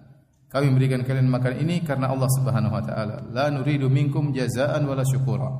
Kami tidak membutuhkan dari kalian jazaan balas budi, kami tidak butuh syukuran dan kami tidak butuh kata terima kasih dari kalian. Nah, di ada dua model orang. Yang pertama yang memberi, yang kedua yang diberi. Orang yang diberi maka diperintahkan oleh syariat agar tidak mengharap balas budi dari orang yang diberi. Bahkan jangankan balas budi, jangan berharap terima kasih darinya. Ya. Sehingga benar-benar dia beribadah ikhlas karena Allah Subhanahu wa taala. Apakah dia ingin mendapatkan ganjaran di akhirat ataukah dia ingin mendapatkan ganjaran di dunia, disanjung, diucapkan terima kasih atau dibalas budi oleh orang yang dia baiki tersebut, dia tinggal pilih. Oleh karenanya hendaknya dia memilih balasan di akhirat. Sehingga dia tidak perlu balas budi dan tidak perlu juga terima kasih dari orang yang dia bantu. Sementara orang yang dibantu diperintahkan oleh syariat untuk pandai berterima kasih. Untuk pandai berterima kasih. Kata Nabi SAW, La yashkurillah man la yashkurin nas. Ya, atau la yashkurullah man la yashkurun nas. Tidaklah seorang dikatakan berterima kasih, bersyukur kepada Allah, orang yang tidak berterima kasih kepada orang lain. Maka kalau kita dibantu, kewajiban kita berterima kasih. Bahkan membalas budi. Ya. Ya. Kata Nabi sallallahu alaihi wasallam, ya barang siapa melakukan kebaikan kepada kalian, fakafiuhu, maka balaslah. Man sana'a ilaikum ma'rufan fakafiuhu. Barang siapa yang berbuat baik kepada engkau kalian maka balaslah kebaikan tersebut. Kalau bisa semisalnya fakafiu, mukafaah, balas budi sebagaimana kebaikan dia. Ya, kalian kalau kalian tidak mampu menemukan hal yang untuk membalas budi mereka, maka fad'ulahu, maka doakan dia. Ya. Jadi intinya kita lihat kita sebagai posisi apa. Kalau kita di, sebagai posisi yang memberikan, maka hendaknya kita tidak berharap balasan balas budi maupun terima kasih muamalah kita dengan Allah bukan dengan orang ini. Allah yang suruh kita bantu, kita berharap balasan dari Allah bukan dari orang ini. Ya, ya bahkan kita berterima kasih orang ini kita bantu dia sehingga Allah membukakan bagi kita pintu untuk bisa beramal saleh. Tapi kalau posisi kita sebagai orang yang dibantu, kita tahu diri, kita harus berterima kasih. Ya, kita harus berterima kasih. Kalau bisa kita balas budi sebagaimana yang dia berikan kepada kita yang terbaik. Sehingga tatkala kita balas budi orang tersebut sebagaimana kebaikan dia, maka kita tidak ada hati kita tidak tergantung kepada orang ini. Artinya kita benar-benar bisa lebih fokus kepada Allah Subhanahu wa taala. Namanya orang punya utang budi itu ada kerendahan diri di hadapan orang tersebut bagaimanapun juga ya. Baik. Kita lanjutkan di antara ciri mereka al-abrar para penghuni surga, inna nakhafu min rabbina yauman abusan qamtarira. Sungguhnya kami takut azab Rabb kami pada hari di mana abusan qamtarira pada hari di mana Abusan itu banyak orang-orang yang abus, yang wajahnya menyedihkan, wajahnya merasa sakit, merasa terhina, kaum torira yang penuh dengan kesulitan. Abus itu mengkerutkan dahi, itu namanya abus dalam bahasa Arab, artinya dia melihat sesuatu yang dahsyat sehingga dia pun pada hari kiamat dalam kondisi demikian. Takut bercampur dengan kegelisahan. Ya, kaum torira ada dua tafsiran di kalangan ahli tafsir ada yang mengatakan syiddah yaitu dia merasa hari yang sangat berat pada hari tersebut. Ada yang artikan kaum ay tawila yaitu kesulitan yang dia hadapi pada hari kiamat kelak. terasa sangat panjang, terasa sangat berat. Ya, bagaimana tidak? Ya, di padang mahsyar orang-orang kafir akan menjalani tahapan ya fi yaumin kana miqdaru 50 alf. Pada hari di mana satu hari seperti 50 ribu tahun. Jadi mereka mulai menghadapi tahapan di hari kiamat mulai dari padang mahsyar, kemudian hisab, kemudian mizan, kemudian sirat dan seterusnya semuanya itu 50 ribu tahun. Makanya hari tersebut disebut dengan qamtarira yaitu panjang. Panjang. Ini di antara dua tafsiran disebut dengan hari yang syadid, hari yang keras dan hari yang tawil, hari yang panjang. Nah, orang-orang beriman takut dengan hari tersebut. Ini sudah kita singgung pada pertemuan lalu. Mereka takut dengan hari tersebut, tapi ketika mereka sampai pada hari tersebut, Allah hilangkan rasa takut, Allah berikan ketenangan kepada kepada mereka. Ya sebagaimana firman Allah, wujuhu yauma idzi musfirah. Pada hari tersebut wajah-wajah mereka berseri-seri. Ya. Tetapi waktu di dunia mereka takut dengan hari kiamat. Itu ciri orang beriman, takut dengan azab Allah, takut dengan hari yang sangat dahsyat tersebut. Kata Allah, fawaqahum fawaqahumullahu syarra dzalikal yaumi walaqahum nadrata wa surura. Buktinya kata Allah, fawaqahumullah. Allah pun memelihara mereka, menjaga mereka dari buruknya hari tersebut. Hari kiamat hari yang buruk. Tetapi ya, keburukan yang ada pada hari tersebut, kedahsyatan pada hari tersebut dicegah oleh Allah sehingga tidak mengenai mereka. Maka Allah mengatakan fawaqahumullahu syarra dzalikal yaum. Allah lindungi mereka. Wiqayah artinya Allah melindungi mereka dari keburukan hari tersebut. Kenapa? Waktu di dunia mereka takut dengan hari tersebut. Ada pun orang kafir mereka tidak takut. Ya. Mereka merasa aman. Sebagaimana firman Allah, Innahu kana fi ahlihi masrura. Dahulu orang kafir waktu di dunia bersenang-senang di keluarganya. Innahu dhanna alla yahur. Dia menyangka dia tidak akan dikembangkit, dibangkitkan, dikembalikan lagi oleh Allah Subhanahu wa taala. Orang beriman takut sehingga dengan ketakutannya kepada hari kiamat. Jadi ingat, takut dengan hari kiamat itu ibadah ya. Ini itu sebab seorang dilindungi oleh Allah pada hari kiamat kelak. Ya. Makanya kita belajar tentang dahsyatnya hari kiamat, tentang dahsyatnya hisab, tentang dahsyatnya mizan, tentang dahsyat sirat agar tumbuh rasa takut dalam diri kita karena kita menyadari betapa banyak kekurangan kita, betapa banyak kesalahan kita.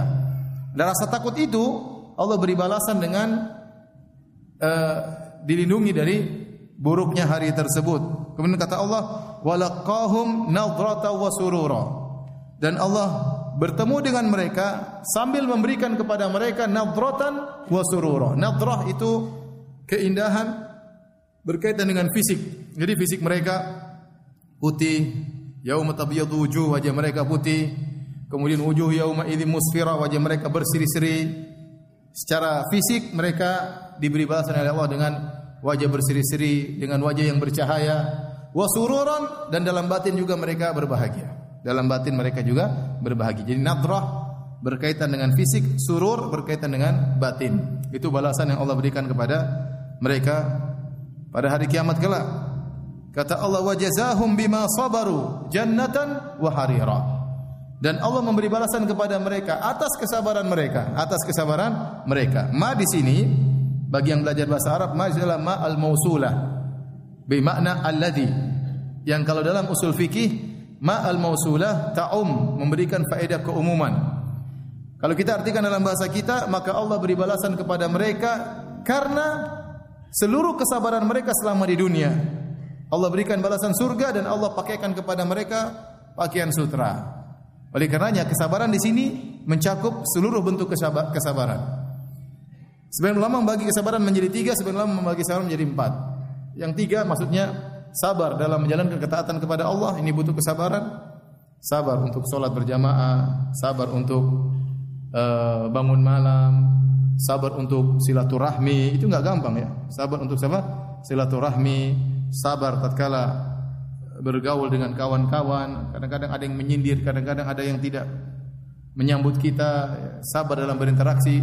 Amal soleh butuh kesabaran Kemudian sabar dalam meninggalkan maksiat. Ini juga sangat berat di zaman sekarang ini. Sabar untuk menundukkan pandangan, sabar untuk tidak melihat foto-foto cewek atau video-video wanita yang buka aurat di YouTube ya atau di samping-samping YouTube ya. Terkadang ustadz sampingnya cewek-cewek, masya Allah ya. Tergantung mata kita gini betul Kita ngelirik dua-duanya, astagfirullah alhamdulillah, astagfirullah alhamdulillah. Jadi Allah Maha tahu, sabar untuk tidak melihat itu semua. Sabar untuk tidak melihat istri orang. Terkadang istri orang kelihatannya lebih cantik daripada istri sendiri. Ketundukan pandangan. Banyak maksiat, sabar untuk tidak menggibah orang. Ya, sabar untuk menahan emosi. Banyak hal-hal yang harus kita sabari. Sabar yang ketiga adalah sabar tatkala ditimpa dengan musibah. Musibah mungkin didolimi, mungkin barang kita diambil, mungkin hak kita dijatuhkan, mungkin kita dihalangi, ya mungkin kita dihina, mungkin kita dituduh yang tidak-tidak, mungkin orang menjatuhkan harga diri kita. Kita sabar, semuanya butuh kesabaran. Hidup ini isinya ujian. Sabar keempat sebenarnya menambah yaitu as-sabru inda sodamatil ula berkaitan dengan musibah, maka ada kesabaran yang tingkat tinggi yaitu kesabaran sejak pertama kali terkena musibah. Seorang begitu terkena musibah, langsung dia bersabar dengan mengatakan qaddarallahu wa masya'u fa'al. Qadar Allah. Sudah Allah mentakdirkan. Dengan mengucapkan kalimat itu, dia mudah bersabar. Atau dia berkata langsung, Inna lillahi wa inna ilaihi raji'un. Langsung sabar di awal karena musibah langsung inna lillahi wa inna ilaihi raji'un. Ini sampai dikhususkan sebagian ulama menganggap dia sabar yang keempat. Padahal dia sama, termasuk dari sabar jenis ketiga itu sabar tatkala terkena musibah. Jadi hidup ini isinya adalah ujian, ya. Maka seorang bersabar dengan segala ujian tersebut, balasannya adalah apa? Surga. Balasnya adalah surga. Ya. Kemudian kata Allah Subhanahu wa taala, Allah, cerita lagi tentang nikmat surga. Tadi Allah sudah sebutkan di atas tentang nikmat surga, ini nikmat surga yang lain. Kata Allah, bagaimana mereka di surga? Hariran. Mereka mau surga, mereka pakai baju sutra. Selama di dunia mereka tidak boleh pakai baju sutra laki-laki. Ya. Man labisal harira fid dunya lam yalbasu fil akhirah. Kata Nabi, laki mana saja yang pakai kain sutra di dunia dia tidak akan pakai di akhirat. Ya, mereka sabar. Mereka dikasih baju sutra. Kemudian kata Allah, muttaqiina fiha 'alal araik. Mereka bertelekan di surga di atas araik. Araik itu apa? Araik, araik itu jamak dari arika. Kata plural dari arika. Arika adalah sarir tetapi dihias. Itu namanya arika. Bukan sarir, bukan bukan tempat tidur biasa, tapi tempat tidur yang dihias ada selimutnya, ada kelambunya, dihias dengan bantal-bantal yang teratur itu namanya arika dalam bahasa Arab. Dalam bahasa Arab ada yang seperti itu. Contoh seperti kaas. Kaas itu tidak dikatakan kaas kecuali gelas tersebut sudah terisi khomer, itu baru disebut kaas. Bahasa Arabnya ada sendiri, gelas kosong ada, kaas ada juga. Kalau sudah terisi penuh namanya kaas. Seperti dalwu, dalwu adalah ember, kosong. Tapi kalau sudah berisi air, namanya zanub atau sijil. Zanub atau sijil. Jadi bahasa Arab tuh luas. Yang kosong namanya ini, yang penuh namanya lain juga ya. Kalau kita ember, ember penuh. ya tidak ya. Bahasa Arab ada ember kosong ada bahasa Arabnya, ember penuh ada bahasa Arabnya. Gelas kosong ada bahasa Arabnya, gelas penuh juga ada bahasa Arabnya. Sarir ada bahasa Arabnya, sarir tempat tidur yang dihiasi ada bahasa Arabnya sendiri namanya arika. Jadi kalau antum masuk surga, antum akan berada di atas arika, sarir yang sudah dihiasi dengan kelambu, dengan selimut, dengan bantal-bantal. Emang yang ngatur siapa? Bidadari. Tahu enggak? Ya. Kemudian ya, kemudian apa? Muttaqin, ittika, ittika dalam bahasa Arab yaitu ma baina al-julus wal ittija. Antara al-julus wal antara duduk dan berbaring. Namanya ittika ya begini. Antara duduk dan ber, antara duduk dan tidur. Tengah-tengahnya berarti apa? Bersandar. Itu biasanya gaya orang-orang kaya seperti itu. Ya, antum juga bisa di rumah, enggak kayak orang kaya. Tapi tempat tidurnya kayu ya, goyang sedikit bunyi-bunyi ya. Tapi ini enggak, ini sarir tempat tidur yang sudah dihiasi Kemudian ada bantal-bantal untuk dia bersandar dan dia sambil santai ngobrol sama bidadari, sama istrinya, sambil melihat kenikmatan yang begitu banyak. Itulah penghuni surga. La yarawna fiha syamsan wala zamharira. Di surga sana tidak ada terik matahari yang panas. Dan tidak ada dingin yang menusuk, tidak ada. Kenapa? Karena di hari kiamat tidak ada matahari, tidak ada rembulan. Wa jumi asyamsu wal qamar. Ya, Kemudian idza syamsu kuwirat, matahari sudah selesai. Ya. Matahari dikumpulkan digabungkan dengan rembulan sebagian tafsir mengatakan demikian. Atau matahari dilemparkan di neraka jahanam. Sudah selesai. Tidak ada kepanasan, tidak ada kedinginan. Semua hawanya sejuk. Makanya Allah berkata kepada Nabi Adam alaihissalam ketika Allah berbicara tentang surga, innalaka innaka laka fiha innalaka alla tajua fiha innalaka alla tajua fiha wa la ta'ra wa annaka la tadma'u fiha wa la tadha. Sungguhnya engkau di surga wahai Adam, kau tidak akan lapar dan kau tidak akan telanjang dan kau tidak akan haus wala tadha dan kau tidak akan kepanasan. Di surga selalu apa? Sejuk. Syamsan maksudnya panas, zamharir artinya dingin yang menusuk. Jadi sejuk. Tidak kepanasan, tidak kedinginan. Terlalu dingin juga nggak enak. Terlalu panas juga nggak enak. Hawanya selalu sejuk, menyenangkan. Tidak tahu berapa derajat. Yang penting menyenangkan. Kemudian Allah lanjutkan, wadaniyatan alaihim dhilaluha.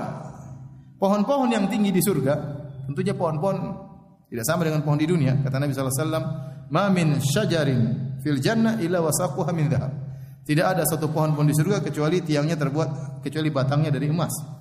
Dia sangat tinggi tetapi uh, naungannya rendah sehingga enak. Ya, meskipun tidak ada panas tapi Allah menghiasi surga dengan seperti itu. Ya, kata para ulama, meskipun tidak ada panas, tapi Allah beri, berikan apa? Naungan. Sama seperti di surga, tidak tidak ada lapar, tapi Allah kasih apa? Makanan, sehingga untuk berlezat-lezat. Tidak ada haus, tapi Allah kasih apa? Minuman, untuk berlezat-lezat. Ya. Di surga tidak ada rambut semrawut, tetapi Allah kasih sisir terbuat dari emas, ya. untuk menambah kelezatan, keindahan. Sebenarnya tidak ada panas, tetapi Allah kasih apa? Naungan sehingga naungan tersebut menambah keindahan surga. Wa dhullilat kutufuha tadlila. Dan buah-buahannya ya dimudahkan oleh Allah, ditundukkan oleh Allah sehingga mudah untuk dipetik ya. Dhullilat maksudnya ditundukkan buah-buahnya. Kata para ulama dalam buku tafsir mereka, manusia kapan saja ingin buah langsung datang. Dia lagi berbaring begini. Ini kalau jauh ya. Contoh ya. Bidadarinya mana? Lagi contoh begini terus dia pingin buah, buahnya turun sendiri. Cret. Itu namanya buah-buahnya ditundukkan oleh Allah Subhanahu wa taala. Dia lagi duduk sama. Lagi pingin buah, buah datang. Tet, semakan. Dia lagi berdiri, buahnya datang. Pokoknya buahnya sesuai dengan keinginannya. Wa dhullilat kutufuha tadlila. Dalam ayat yang lain kutufuha daniyah. Buah-buahnya rendah. Jadi di, di sana nggak ada orang manjat pohon ya. Mau manjat apa? Ngambil kedondong di atas waduh. Di sana nggak ada. Buahnya datang sendiri. Buahnya datang sendiri. Ke mana pun dia berada, dia berdiri, dia duduk, dia berbaring, buah-buahnya tunduk datang kepadanya. Oleh karena subhanallah begitu begitu puncaknya nikmat di surga maka tidak ada yang tidur di surga. Tidak boleh tidur. Kenapa? Kalau ditanya, "Ya Rasulullah, apakah ahlul jannah tidur penghuni surga?" Itu kata Nabi, "Tidak." Karena an-naum akhul maut. Tidur adalah saudara daripada kematian. Kenapa kalau dia tidur di surga berarti dia sedang off dari kenikmatan, paham?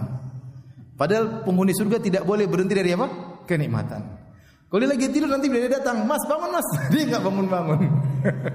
Masnya gimana? Jadi di surga enggak ada tidur. Terus bahagia, terus nikmat, berpindah dari satu kenikmatan kepada kenikmatan yang lain. Tidak ada tidur di surga ya. Nanti kalau kita berbaring tahu-tahu tidur, ya sana enggak ya. Berbaring nikmat segalanya tidak ada tidur. Kemudian kata Allah Subhanahu wa taala, "Wa yutafu alaihim bi aniyatin min fiddatin wa akwabin wa akwabin kanat qawarira." Kemudian dikelilingi kepada mereka, diedarkan kepada mereka bejana-bejana dari perak dari perak dalam ayat yang lain dalam surat Az-Zukhruf wa yutafu alaihim bi sihafin min dhahab. Dalam ayat yang lain disebutkan diedarkan kepada mereka piring-piring yang terbuat dari emas. Jadi yang diedarkan kepada mereka ada yang dari emas, ada yang dari perak ya. Sehingga kesempurnaan di situ ada. Ya, karena kita tahu apa namanya di dunia ini yang orang sering jadikan patokan keindahan adalah emas dan apa? perak. Maka di surga juga ada emas, ada perak tentu berbeda antara emas surga dengan emas dunia. Kalau emas di dunia paling murni 24 karat, entah di surga kayak apa emasnya. Ya. ya. Perak Ada juga namanya perak tapi berbeda dengan jangan jangan disangka sama. Makanya kata Ibnu Abbas radhiyallahu anhu, "Laisa fil jannati syai'un mimma fil dunya illa asma." Tidak ada satu perkara pun di dunia yang dibandingkan dengan surga kecuali yang sekedar nama. Hakikatnya berbeda. Hakikatnya berbeda. Pohon beda, emas beda, perak beda. Di sini diedarkan bagi mereka bejana-bejana, piring-piring, wak-wak, cangkir-cangkir, gelas-gelas ya kanat qawarira yang laksana seperti kaca-kaca subhanallah kata Allah qawarira min fiddatin yang kaca-kaca tersebut terbuat dari perak subhanallah ini yang sebagian ulama mengatakan ini satu ini yang tidak pernah kita lihat permisalannya di dunia kenapa kalau perak ya kita bayanginnya perak metal tidak tembus pandang ya Emas metal juga tidak tembus pandang. Kalau kita punya perak di dunia kita tipiskan, selama masih ada logamnya tidak bisa kita lihat apa yang di belakangnya. Tetapi di surga ada perak yang tembus pandang seperti kaca. Ini menunjukkan perak dunia berbeda dengan perak di mana? Akhirat. Beda, namanya saja perak, tapi perak di akhirat bisa tembus pandang. Ini baru kita bicara perak, belum kita bicara perempuan. Tapi kita tidak akan berbicara pada hari ini. Tapi maksud saya, perak beda, perak dunia dengan perak apa akhirat. Karena di akhirat di surga qawariro min fiddah. Ada gelas-gelas yang terbuat dari fiddah ya. Dia perak tapi dia tembus pandang, kelihatan isi gelas isinya. Kemudian qaddaruha taqdira. Yang mereka mengukurnya dengan ukuran yang tepat. Maksudnya apa kata para ulama? Maksudnya para dayang-dayang para pelayan-pelayan tersebut tatkala mereka menuangkan minuman khamar atau yang lainnya kepada penghuni surga sesuai dengan kebutuhan penghuni surga tersebut. Jadi tiba-tiba tahu oh penghuni surga ini minumnya ingin setengah gelas. Oh ingin minumnya seukuran berapa mililiter. Mereka sudah tahu. Jadi tidak ada terbuang-buang. Qaddaruha taqdira sudah ditakdirkan persis seperti kebutuhan orang yang minum tadi untuk berlezat-lezat. Ingat, mereka minum bukan karena kehausan, tapi karena dalam rangka apa? berlezat-lezat. Lagi pingin minum satu liter, datang satu liter. Lagi pingin minum seperempat liter, datang seperempat liter. Sesuai dengan yang mereka inginkan, subhanallah. Allah mengatakan qaddaruha taqdira. Ditakdirkan isinya, ukurannya sesuai dengan ukuran yang tepat sebagaimana kebutuhan mereka. Kata Allah Subhanahu wa taala, "Wa yusqawna fiha ka'san kana mizajuha zanjabila." Dan mereka diberi di surga diberikan kaas kaas tadi.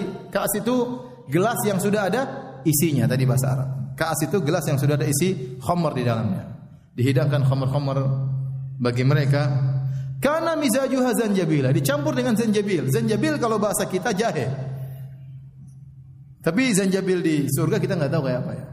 Yang jelas kata Ibnu Katsir rahimahullah dalam bukunya, dalam tafsirnya, Allah menyebutkan mizajuha kafura dalam ayat sebelumnya Allah mengatakan mizajuha kafura ya dicampur dengan kafur kafur itu identik dengan dingin zanjabil yang identik dengan hangat paham jahe identik dengan apa hangat kata Ibnu Katsir rahimahullah taala artinya Allah memberikan minuman kepada mereka dengan minuman yang beragam ada yang bercampur dengan dingin ada yang bercampur dengan apa kehangatan Ingat ya jangan antum ingin praktekkan. Saya ingin tahu khamr rasa jahe kayak apa. Antum beli khamr isi jahe. Meledak dari ente. Enggak. Ini di, di akhirat lain. Tapi di akhirat ada minuman dicampur dengan kafur sehingga kesannya dingin, ada minuman dicampur dengan jahe kesannya hangat. Ini di antara model-model kenikmatan yang Allah berikan kepada penghuni surga. Kata Allah, "Ainan fiha tusamma salsabila." Yang diambil air tersebut atau khamar tersebut dari suatu mata air namanya salsabila. Salsabila ini suatu kata yang bikin orang para ulama ini apa salsabila? Karena di dunia tidak ada namanya salsabila. Zanjabil ada, kafur ada, khamr ada, fiddah perak ada, emas ada. Allah bikin satu kata yang mereka bingung ini apa? Airan fiha tusamma salsabila. Itu air mata air, mata air jelas kita tahu mata air kita bisa bayangkan, mata air. Tetapi kenapa mata air ini namanya salsabila? Ini satu kata yang dibahas oleh para ahli tafsir. Apa salsabila ini maksudnya? Kebanyakan mereka menafsirkan bahwasanya salsabila diambil dari salasa. Salasa itu mudah untuk masuk. Kalau diminum tidak tersendat-sendat, mudah untuk masuk dengan lancar ke dalam mulut seseorang. Ada yang mengatakan salsabil diambil dari salasa dari kemudian sabala seperti sabalatil as-sama uh, amtaran maksudnya langit mengeluarkan hujan dengan deras. Sehingga maksud dari salsabila diambil dari dua kata yang digabungkan jadi satu oleh Allah dari salasa dengan sabila sehingga maknanya adalah air yang mudah diminum dan banyak jumlahnya. Artinya air yang keluar dari mata air tersebut sangat sangat banyak. Ini usaha mereka untuk menafsirkan kata sal sabila. Tapi itu nama, nama yang yang jelas kita paham itu mata air. Adapun namanya tidak ada nama di dunia, enggak urusan ya. Tapi kita paham itu adalah mata mata air. Untuk mata air dunia beda dengan mata air akhirat. Sal sabila. Ada yang mengatakan diambil dari sal sabila, mintalah jalan. Sal artinya bahasa Arab minta, sabila artinya jalan. Wallahu alam bisawab, intinya ada mata air yang itu sumber kenikmatan khamar yang bercampur dengan zanjabil, dengan jahe. Mata air tersebut namanya sal sabila. Kalau ada ada sebagian orang punya anak dikasih nama apa? Sal sabila. Abi apa artinya salsabila? Anaknya mungkin nanya satu hari. Dia harus tahu makna apa? Salsabila. Itu nama mata air di surga. Artinya apa? Abi juga bingung bilang. Baik. Setelah Allah berbicara tentang nikmat-nikmat yang mereka rasakan, sekarang Allah berbicara tentang pelayan-pelayan di surga. Perhatikan. Ya. Namanya raja harus ada pelayan-pelayannya. Namanya raja harus punya apa? Selir-selir, ya tidak? punya istri, punya selir-selir ya, itu raja di dunia. Di surga Allah ceritakan tentang pelayan-pelayan. Kata Allah Subhanahu wa taala, "Wa yatufu alaihim wildanu mukhalladun." Berkeliling di sekitar mereka wildan. Wildan mukhalladun, anak-anak yang abadi. Abadi di sini bukan maksudnya umur mereka abadi, bukan. Karena semua penghuni surga abadi. Sudah ma'ruf.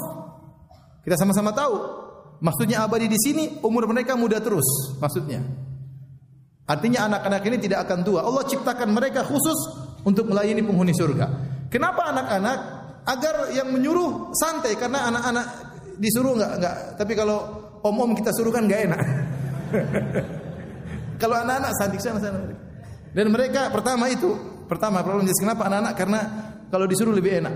Yang kedua karena mereka lebih giat namanya anak-anak itu terkesan apa? Lincah. Kita punya anak saja nggak berhenti, sakit saja masih main-main. Ya. Jadi lincah gerak sana gerak sini. Kata Allah Subhanahu wa taala perhatikan. Wa yatufu alaihim wildanun mukhalladun. Berseputar di sekeliling mereka anak-anak yang abadi. Idza ra'aitahum, jika kau melihat mereka, hasibatahum lu'lu'an mansura. Kau akan menyangka mereka adalah mutiara yang berserakan, bertebaran.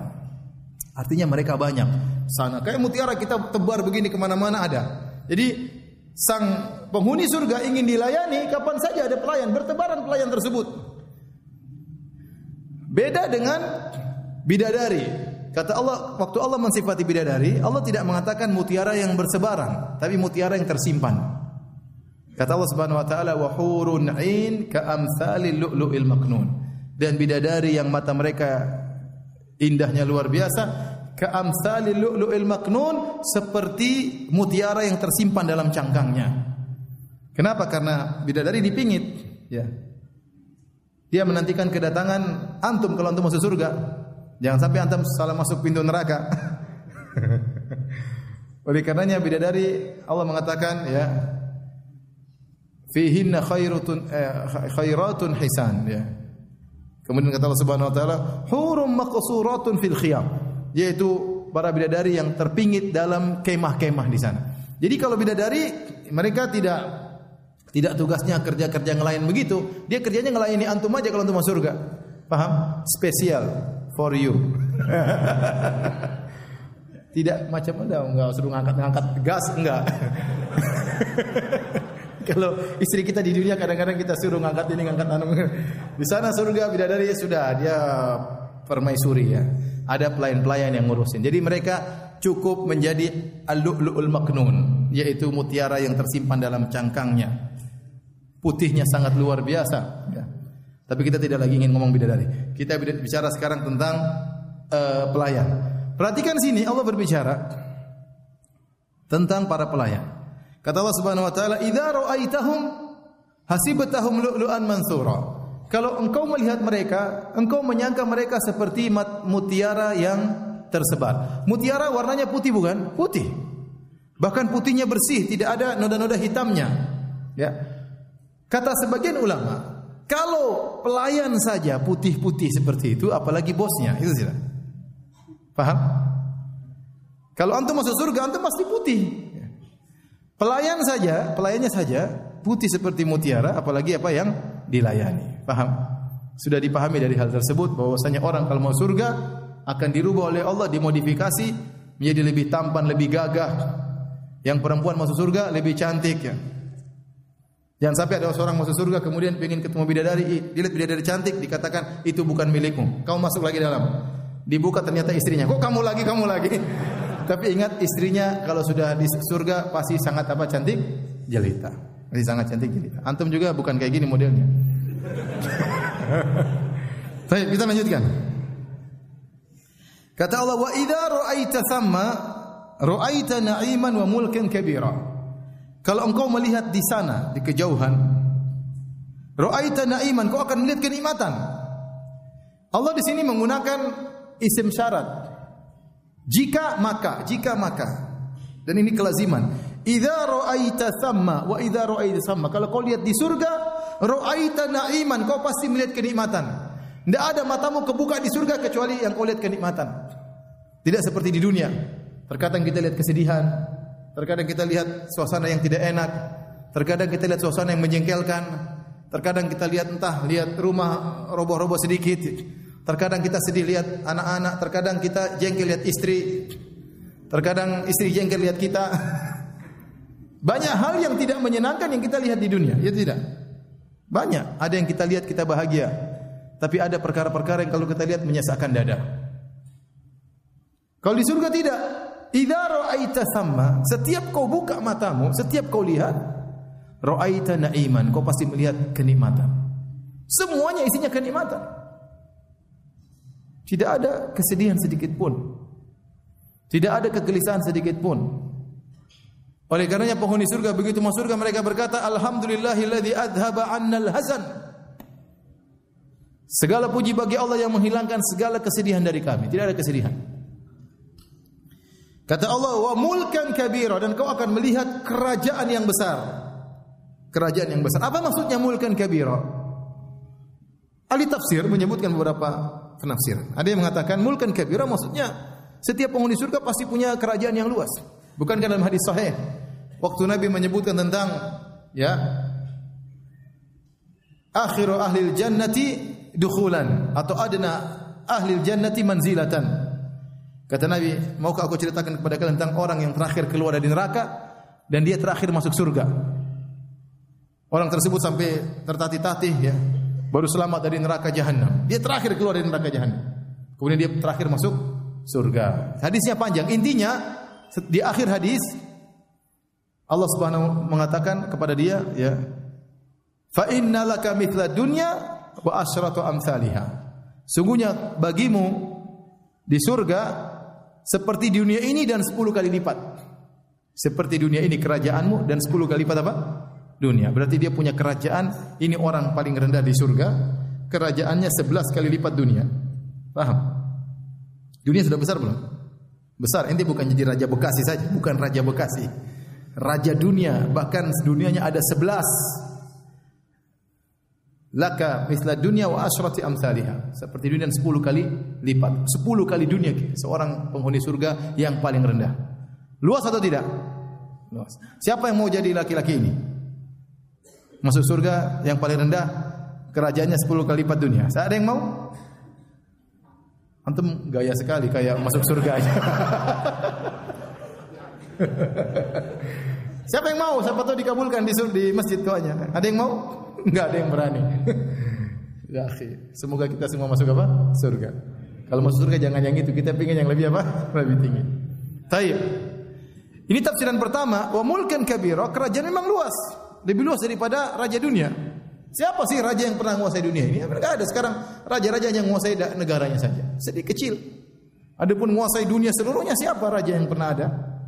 Dan tak akan datang atau tidak. Pernah ada pun ya dia tidak bisa menguasai seluruhnya. Tapi intinya seorang di surga memiliki kerajaan yang sangat luas. Semua penghuni surga memiliki kerajaan yang sangat luas. Ini tafsiran pertama. Tafsiran kedua, wa mulkan kabiran artinya dia memiliki kekuasaan yang luar biasa sampai-sampai malaikat kalau mau datang ketemu dia minta izin dulu. Ya, ente siapa kalau misalnya misalnya presiden mau ketemu ente saja minta izin sama asisten ente. Berarti ente orang hebat tidak? Bayangkan. Ente siapa, Mas? Presiden aja mau ketemu minta izin sama sama asisten ente. Berarti ente orang hebat bukan? Orang hebat. Ini bukan presiden. Malaikat mau ketemu minta izinnya. Untuk ketemu penghuni surga, malaikat minta izin menunjukkan dia ini benar-benar dirajakan oleh Allah Subhanahu wa taala. Dia punya bidadari-bidadari, dia punya istri-istri, dia punya pelayan-pelayan, dia punya kerajaan yang luas. Kerajaan yang begitu indah. Istana-istana yang megah. Kau akan melihat di sana mulkan kabir. Jadi tidak ada di surga Raja istananya kecil itu nggak ada di surga. Nggak ada raja di surga, nggak ada penghuni surga istananya apa? Kecil nggak ada. Penghuni surga paling rendah istananya seluas bumi ini dan sepuluh kali lipatnya. Kata Allah, aliyahum thiyabu sundusin khudrun wa istabarak. Pakaian mereka terbuat dari sundus dan istabrak. Sundus, ada yang mengatakan, seperti Tahrir bin Asyur dalam Tahrir wa Tanwir, mengatakan sundus asalnya adalah jenis kain yang didatangkan dari India. Adapun istabrok adalah jenis kain yang didatangkan dari Persia, yaitu kain mahal di zaman Arab dahulu, kain impor. Dan sundus adalah kain sutra yang halus. Adapun istabrok kain sutra yang tebal. Maksudnya dua model. Ada model kain sutra yang halus, ada model, kain sutra yang tebal. Dan dua-duanya dipakai oleh penghuni surga. Sebenarnya kita nggak jauh-jauh kalau kita sekarang lihat seperti para ulama atau para pembesar-pembesar di Arab Saudi. Mereka pakai baju dalam di luarnya mereka pakai kain tipis, paham? Semakin indah tatkala pakaian yang tebal dilipasi ditutup dengan kain apa yang yang tipis. Terkadang syekh-syekh kita lihat dia pakai baju baju putih, tahu jubah, kemudian dia lapisi dengan baju warna coklat yang tipis. Sehingga kalau dia jalan penampilannya luar biasa, bagus, kelihatan hebat, kelihatan karismatik ya. Di surga, penghuni surga juga demikian. Dia memakai kain sutra yang tebal, istabrok, dan dia pakai kain sutra yang tipis itu sundus. Kemudian kata Allah wa hullu asawira min fiddah. Dan mereka dipakaikan dengan gelang-gelang. Asawir itu gelang-gelang yang terbuat dari dari perak. Jadi bagi lelaki di dunia tidak boleh pakai gelang. Tapi raja-raja dahulu, Fir'aun dan kawan-kawannya, raja-raja dahulu mereka di antara seperti Kisra, kemudian Kaisar ya, uh, Heraklius, ya. mereka Kisra raja Persia pakai apa? Pakai gelang. Nah, bagi kita laki-laki nggak boleh pakai gelang di dunia, tapi di akhirat nanti pakai gelang. Gelang tersebut terbuat dari fiddah, dari perak. Dalam ayat yang lain ya, yuhallawna fiha min asawira min dhahabin wa lu'lu'a. Dalam ayat yang lain dalam surat Fatir, dalam surat Al-Kahfi disebutkan bahwasanya mereka dihiasi dengan gelang-gelang dari emas. Kata para ulama ini dalil bahwasanya di tubuh mereka ada sebagian gelang dari emas, ada sebagian gelang dari apa? Perak. Artinya jenis kenikmatan mereka miliki. Wasaqahum rabbuhum syaraban tahura. Dan Rob mereka memberikan minuman kepada mereka minuman yang tahur. Tahur itu artinya tahir wa mutahhir, bersih dan membersihkan. Suci dan mensucikan namanya tahur dalam bahasa Arab. Makanya Allah mengatakan anzalna minas sama'i ma'an tahuran. Kami turunkan dari langit air tahur, suci dan mensucikan. Nah, ternyata mereka minum kata kata Allah wasaqahum rabbuhum syaraban tahura. Allah membuat mereka minum dengan minuman yang mensucikan. Apa maksudnya minuman yang mensucikan? Maka secara umum ada dua pendapat. Ada dua tafsir yang mengatakan mensucikan maksudnya kalau mereka minum maka seluruh makanan yang mereka makan ini tidak menjadi kotoran. Makanya di surga tidak ada ingus, tidak ada ludah, tidak ada kencing, la yabulun wala yatagawwatun, mereka tidak buang air besar, mereka tidak buang kecil, wala yang takhitun, mereka tidak tidak ada ingusnya, tidak ada ludahnya, ya. Apalagi keteknya, bau ketek enggak ada, semua enggak ada ya. Tai mata enggak ada, tai telinga enggak ada, bersih semuanya. Di antaranya mereka minum minuman ini sehingga makanan yang mereka makan tersebut menjadi keringat yang baunya seperti minyak kasturi. Atau mereka bersendawa, ah, tapi baunya apa? Minyak kasturi. Gara-gara minuman tersebut. Ini pendapat Ibnu Katsir memilih pendapat syaraban tahuran maksudnya minuman tersebut membersihkan segala penyakit hati mereka. Jadi mereka dibersihkan luar dan dalam. Sehingga ketika mereka minum hilang semua hasad, dengki, jadi minuman kebahagiaan. Mereka minum mereka tambah bahagia. Bukankah orang tidak bahagia kalau hasad, kalau dengki, jengkel, itu bikin orang tidak bahagia. Meskipun duit banyak, meskipun rumah banyak, meskipun istri banyak, tapi kalau dalam hati jengkel, hasad, dengki tidak bahagia. Nah, orang di surga dikasih minuman yang menghilangkan itu semua sehingga menambahkan kebahagiaan mereka. Kata Allah Subhanahu wa taala, "Inna hadza kana lakum jazaan wa kana sa'yukum mashkura." Allah bilang sama mereka setelah mereka masuk surga, Inna hadza kana lakum jazaan. Wahai para penghuni surga, ini balasan bagi kalian.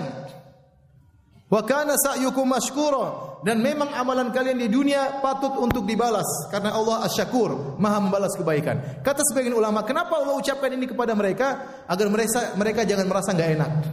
Antum bayangkan antum bertamu di sebuah rumah, kemudian penghuni rumahnya nih kasih kunci mobil, mobil buat kamu. Ya.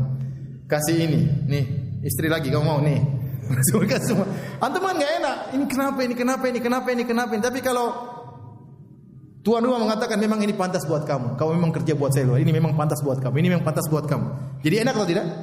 Jadi enak. Jadi Allah mengatakan kepada mereka inna hadza kana lakum jazaan. Sungguh ini yang kalian dapatkan ini pantas buat kalian. Memang semuanya dari karunia Allah. Tapi Allah menenangkan hati mereka agar mereka lega di surga. Bahwasanya ini memang atas amal kalian selama di dunia kalian pantas mendapatkannya. Jazaan. Ini adalah balasan bagi kalian. Azan Taib azan kita salat baru kita lanjutkan Bismillahirrahmanirrahim Alhamdulillah salatu wassalamu ala Rasulillah wa ala alihi wa sahbihi wa. Kita lanjutkan pembahasan kita sampai pada ayat 23 kata Allah Subhanahu wa taala Inna nahnu nazzalna alaikal qur'ana tanzila. Sungguhnya kami nahnu. Jadi inna itu dari inna dan na.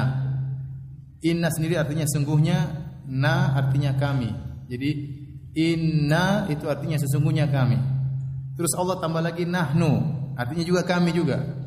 Jadi sungguhnya kami, kami. Kata para ulama ini penekanan. Allah menekankan penekanan di atas penekanan. Inna nahnu nazzalna alaikal qur'ana tanzila. Sungguhnya kami ini yang turunkan Al-Qur'an kepada engkau wahai Muhammad secara tanzila berangsur-angsur. Bukan karangan engkau wahai Muhammad.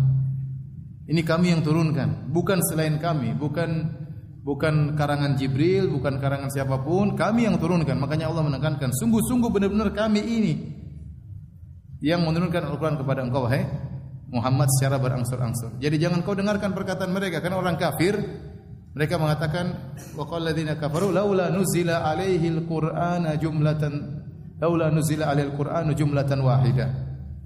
Kadzalika yuthabbita bihi fuada. Mereka berkata seandainya Al-Qur'an diturunkan langsung sekalian sekaligus, kenapa berangsur-angsur? Allah mengatakan kami yang turunkan berangsur-angsur sengaja. Ya, karena ada hikmah yang Allah kehendaki ya. Kemudian kata Allah Subhanahu wa taala, jadi dalil bahwasanya Al-Qur'an bukan karangan Muhammad, tapi dari siapa?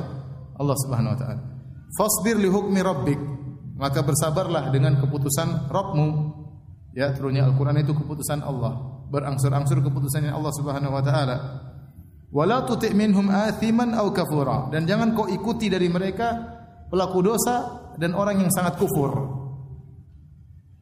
Para ahli tafsir menyebutkan athiman wa kafura, ya yaitu pendosa dan orang yang suka kufur. Kenapa Allah tidak mengatakan jangan kau ikuti seorang pun dari mereka? Tapi Allah mengatakan jangan kau ikuti pendosa dari mereka dan kufur dari mereka supaya jelas hukumnya bahwasanya mengikuti permintaan mereka orang-orang kafir berarti kau berdosa.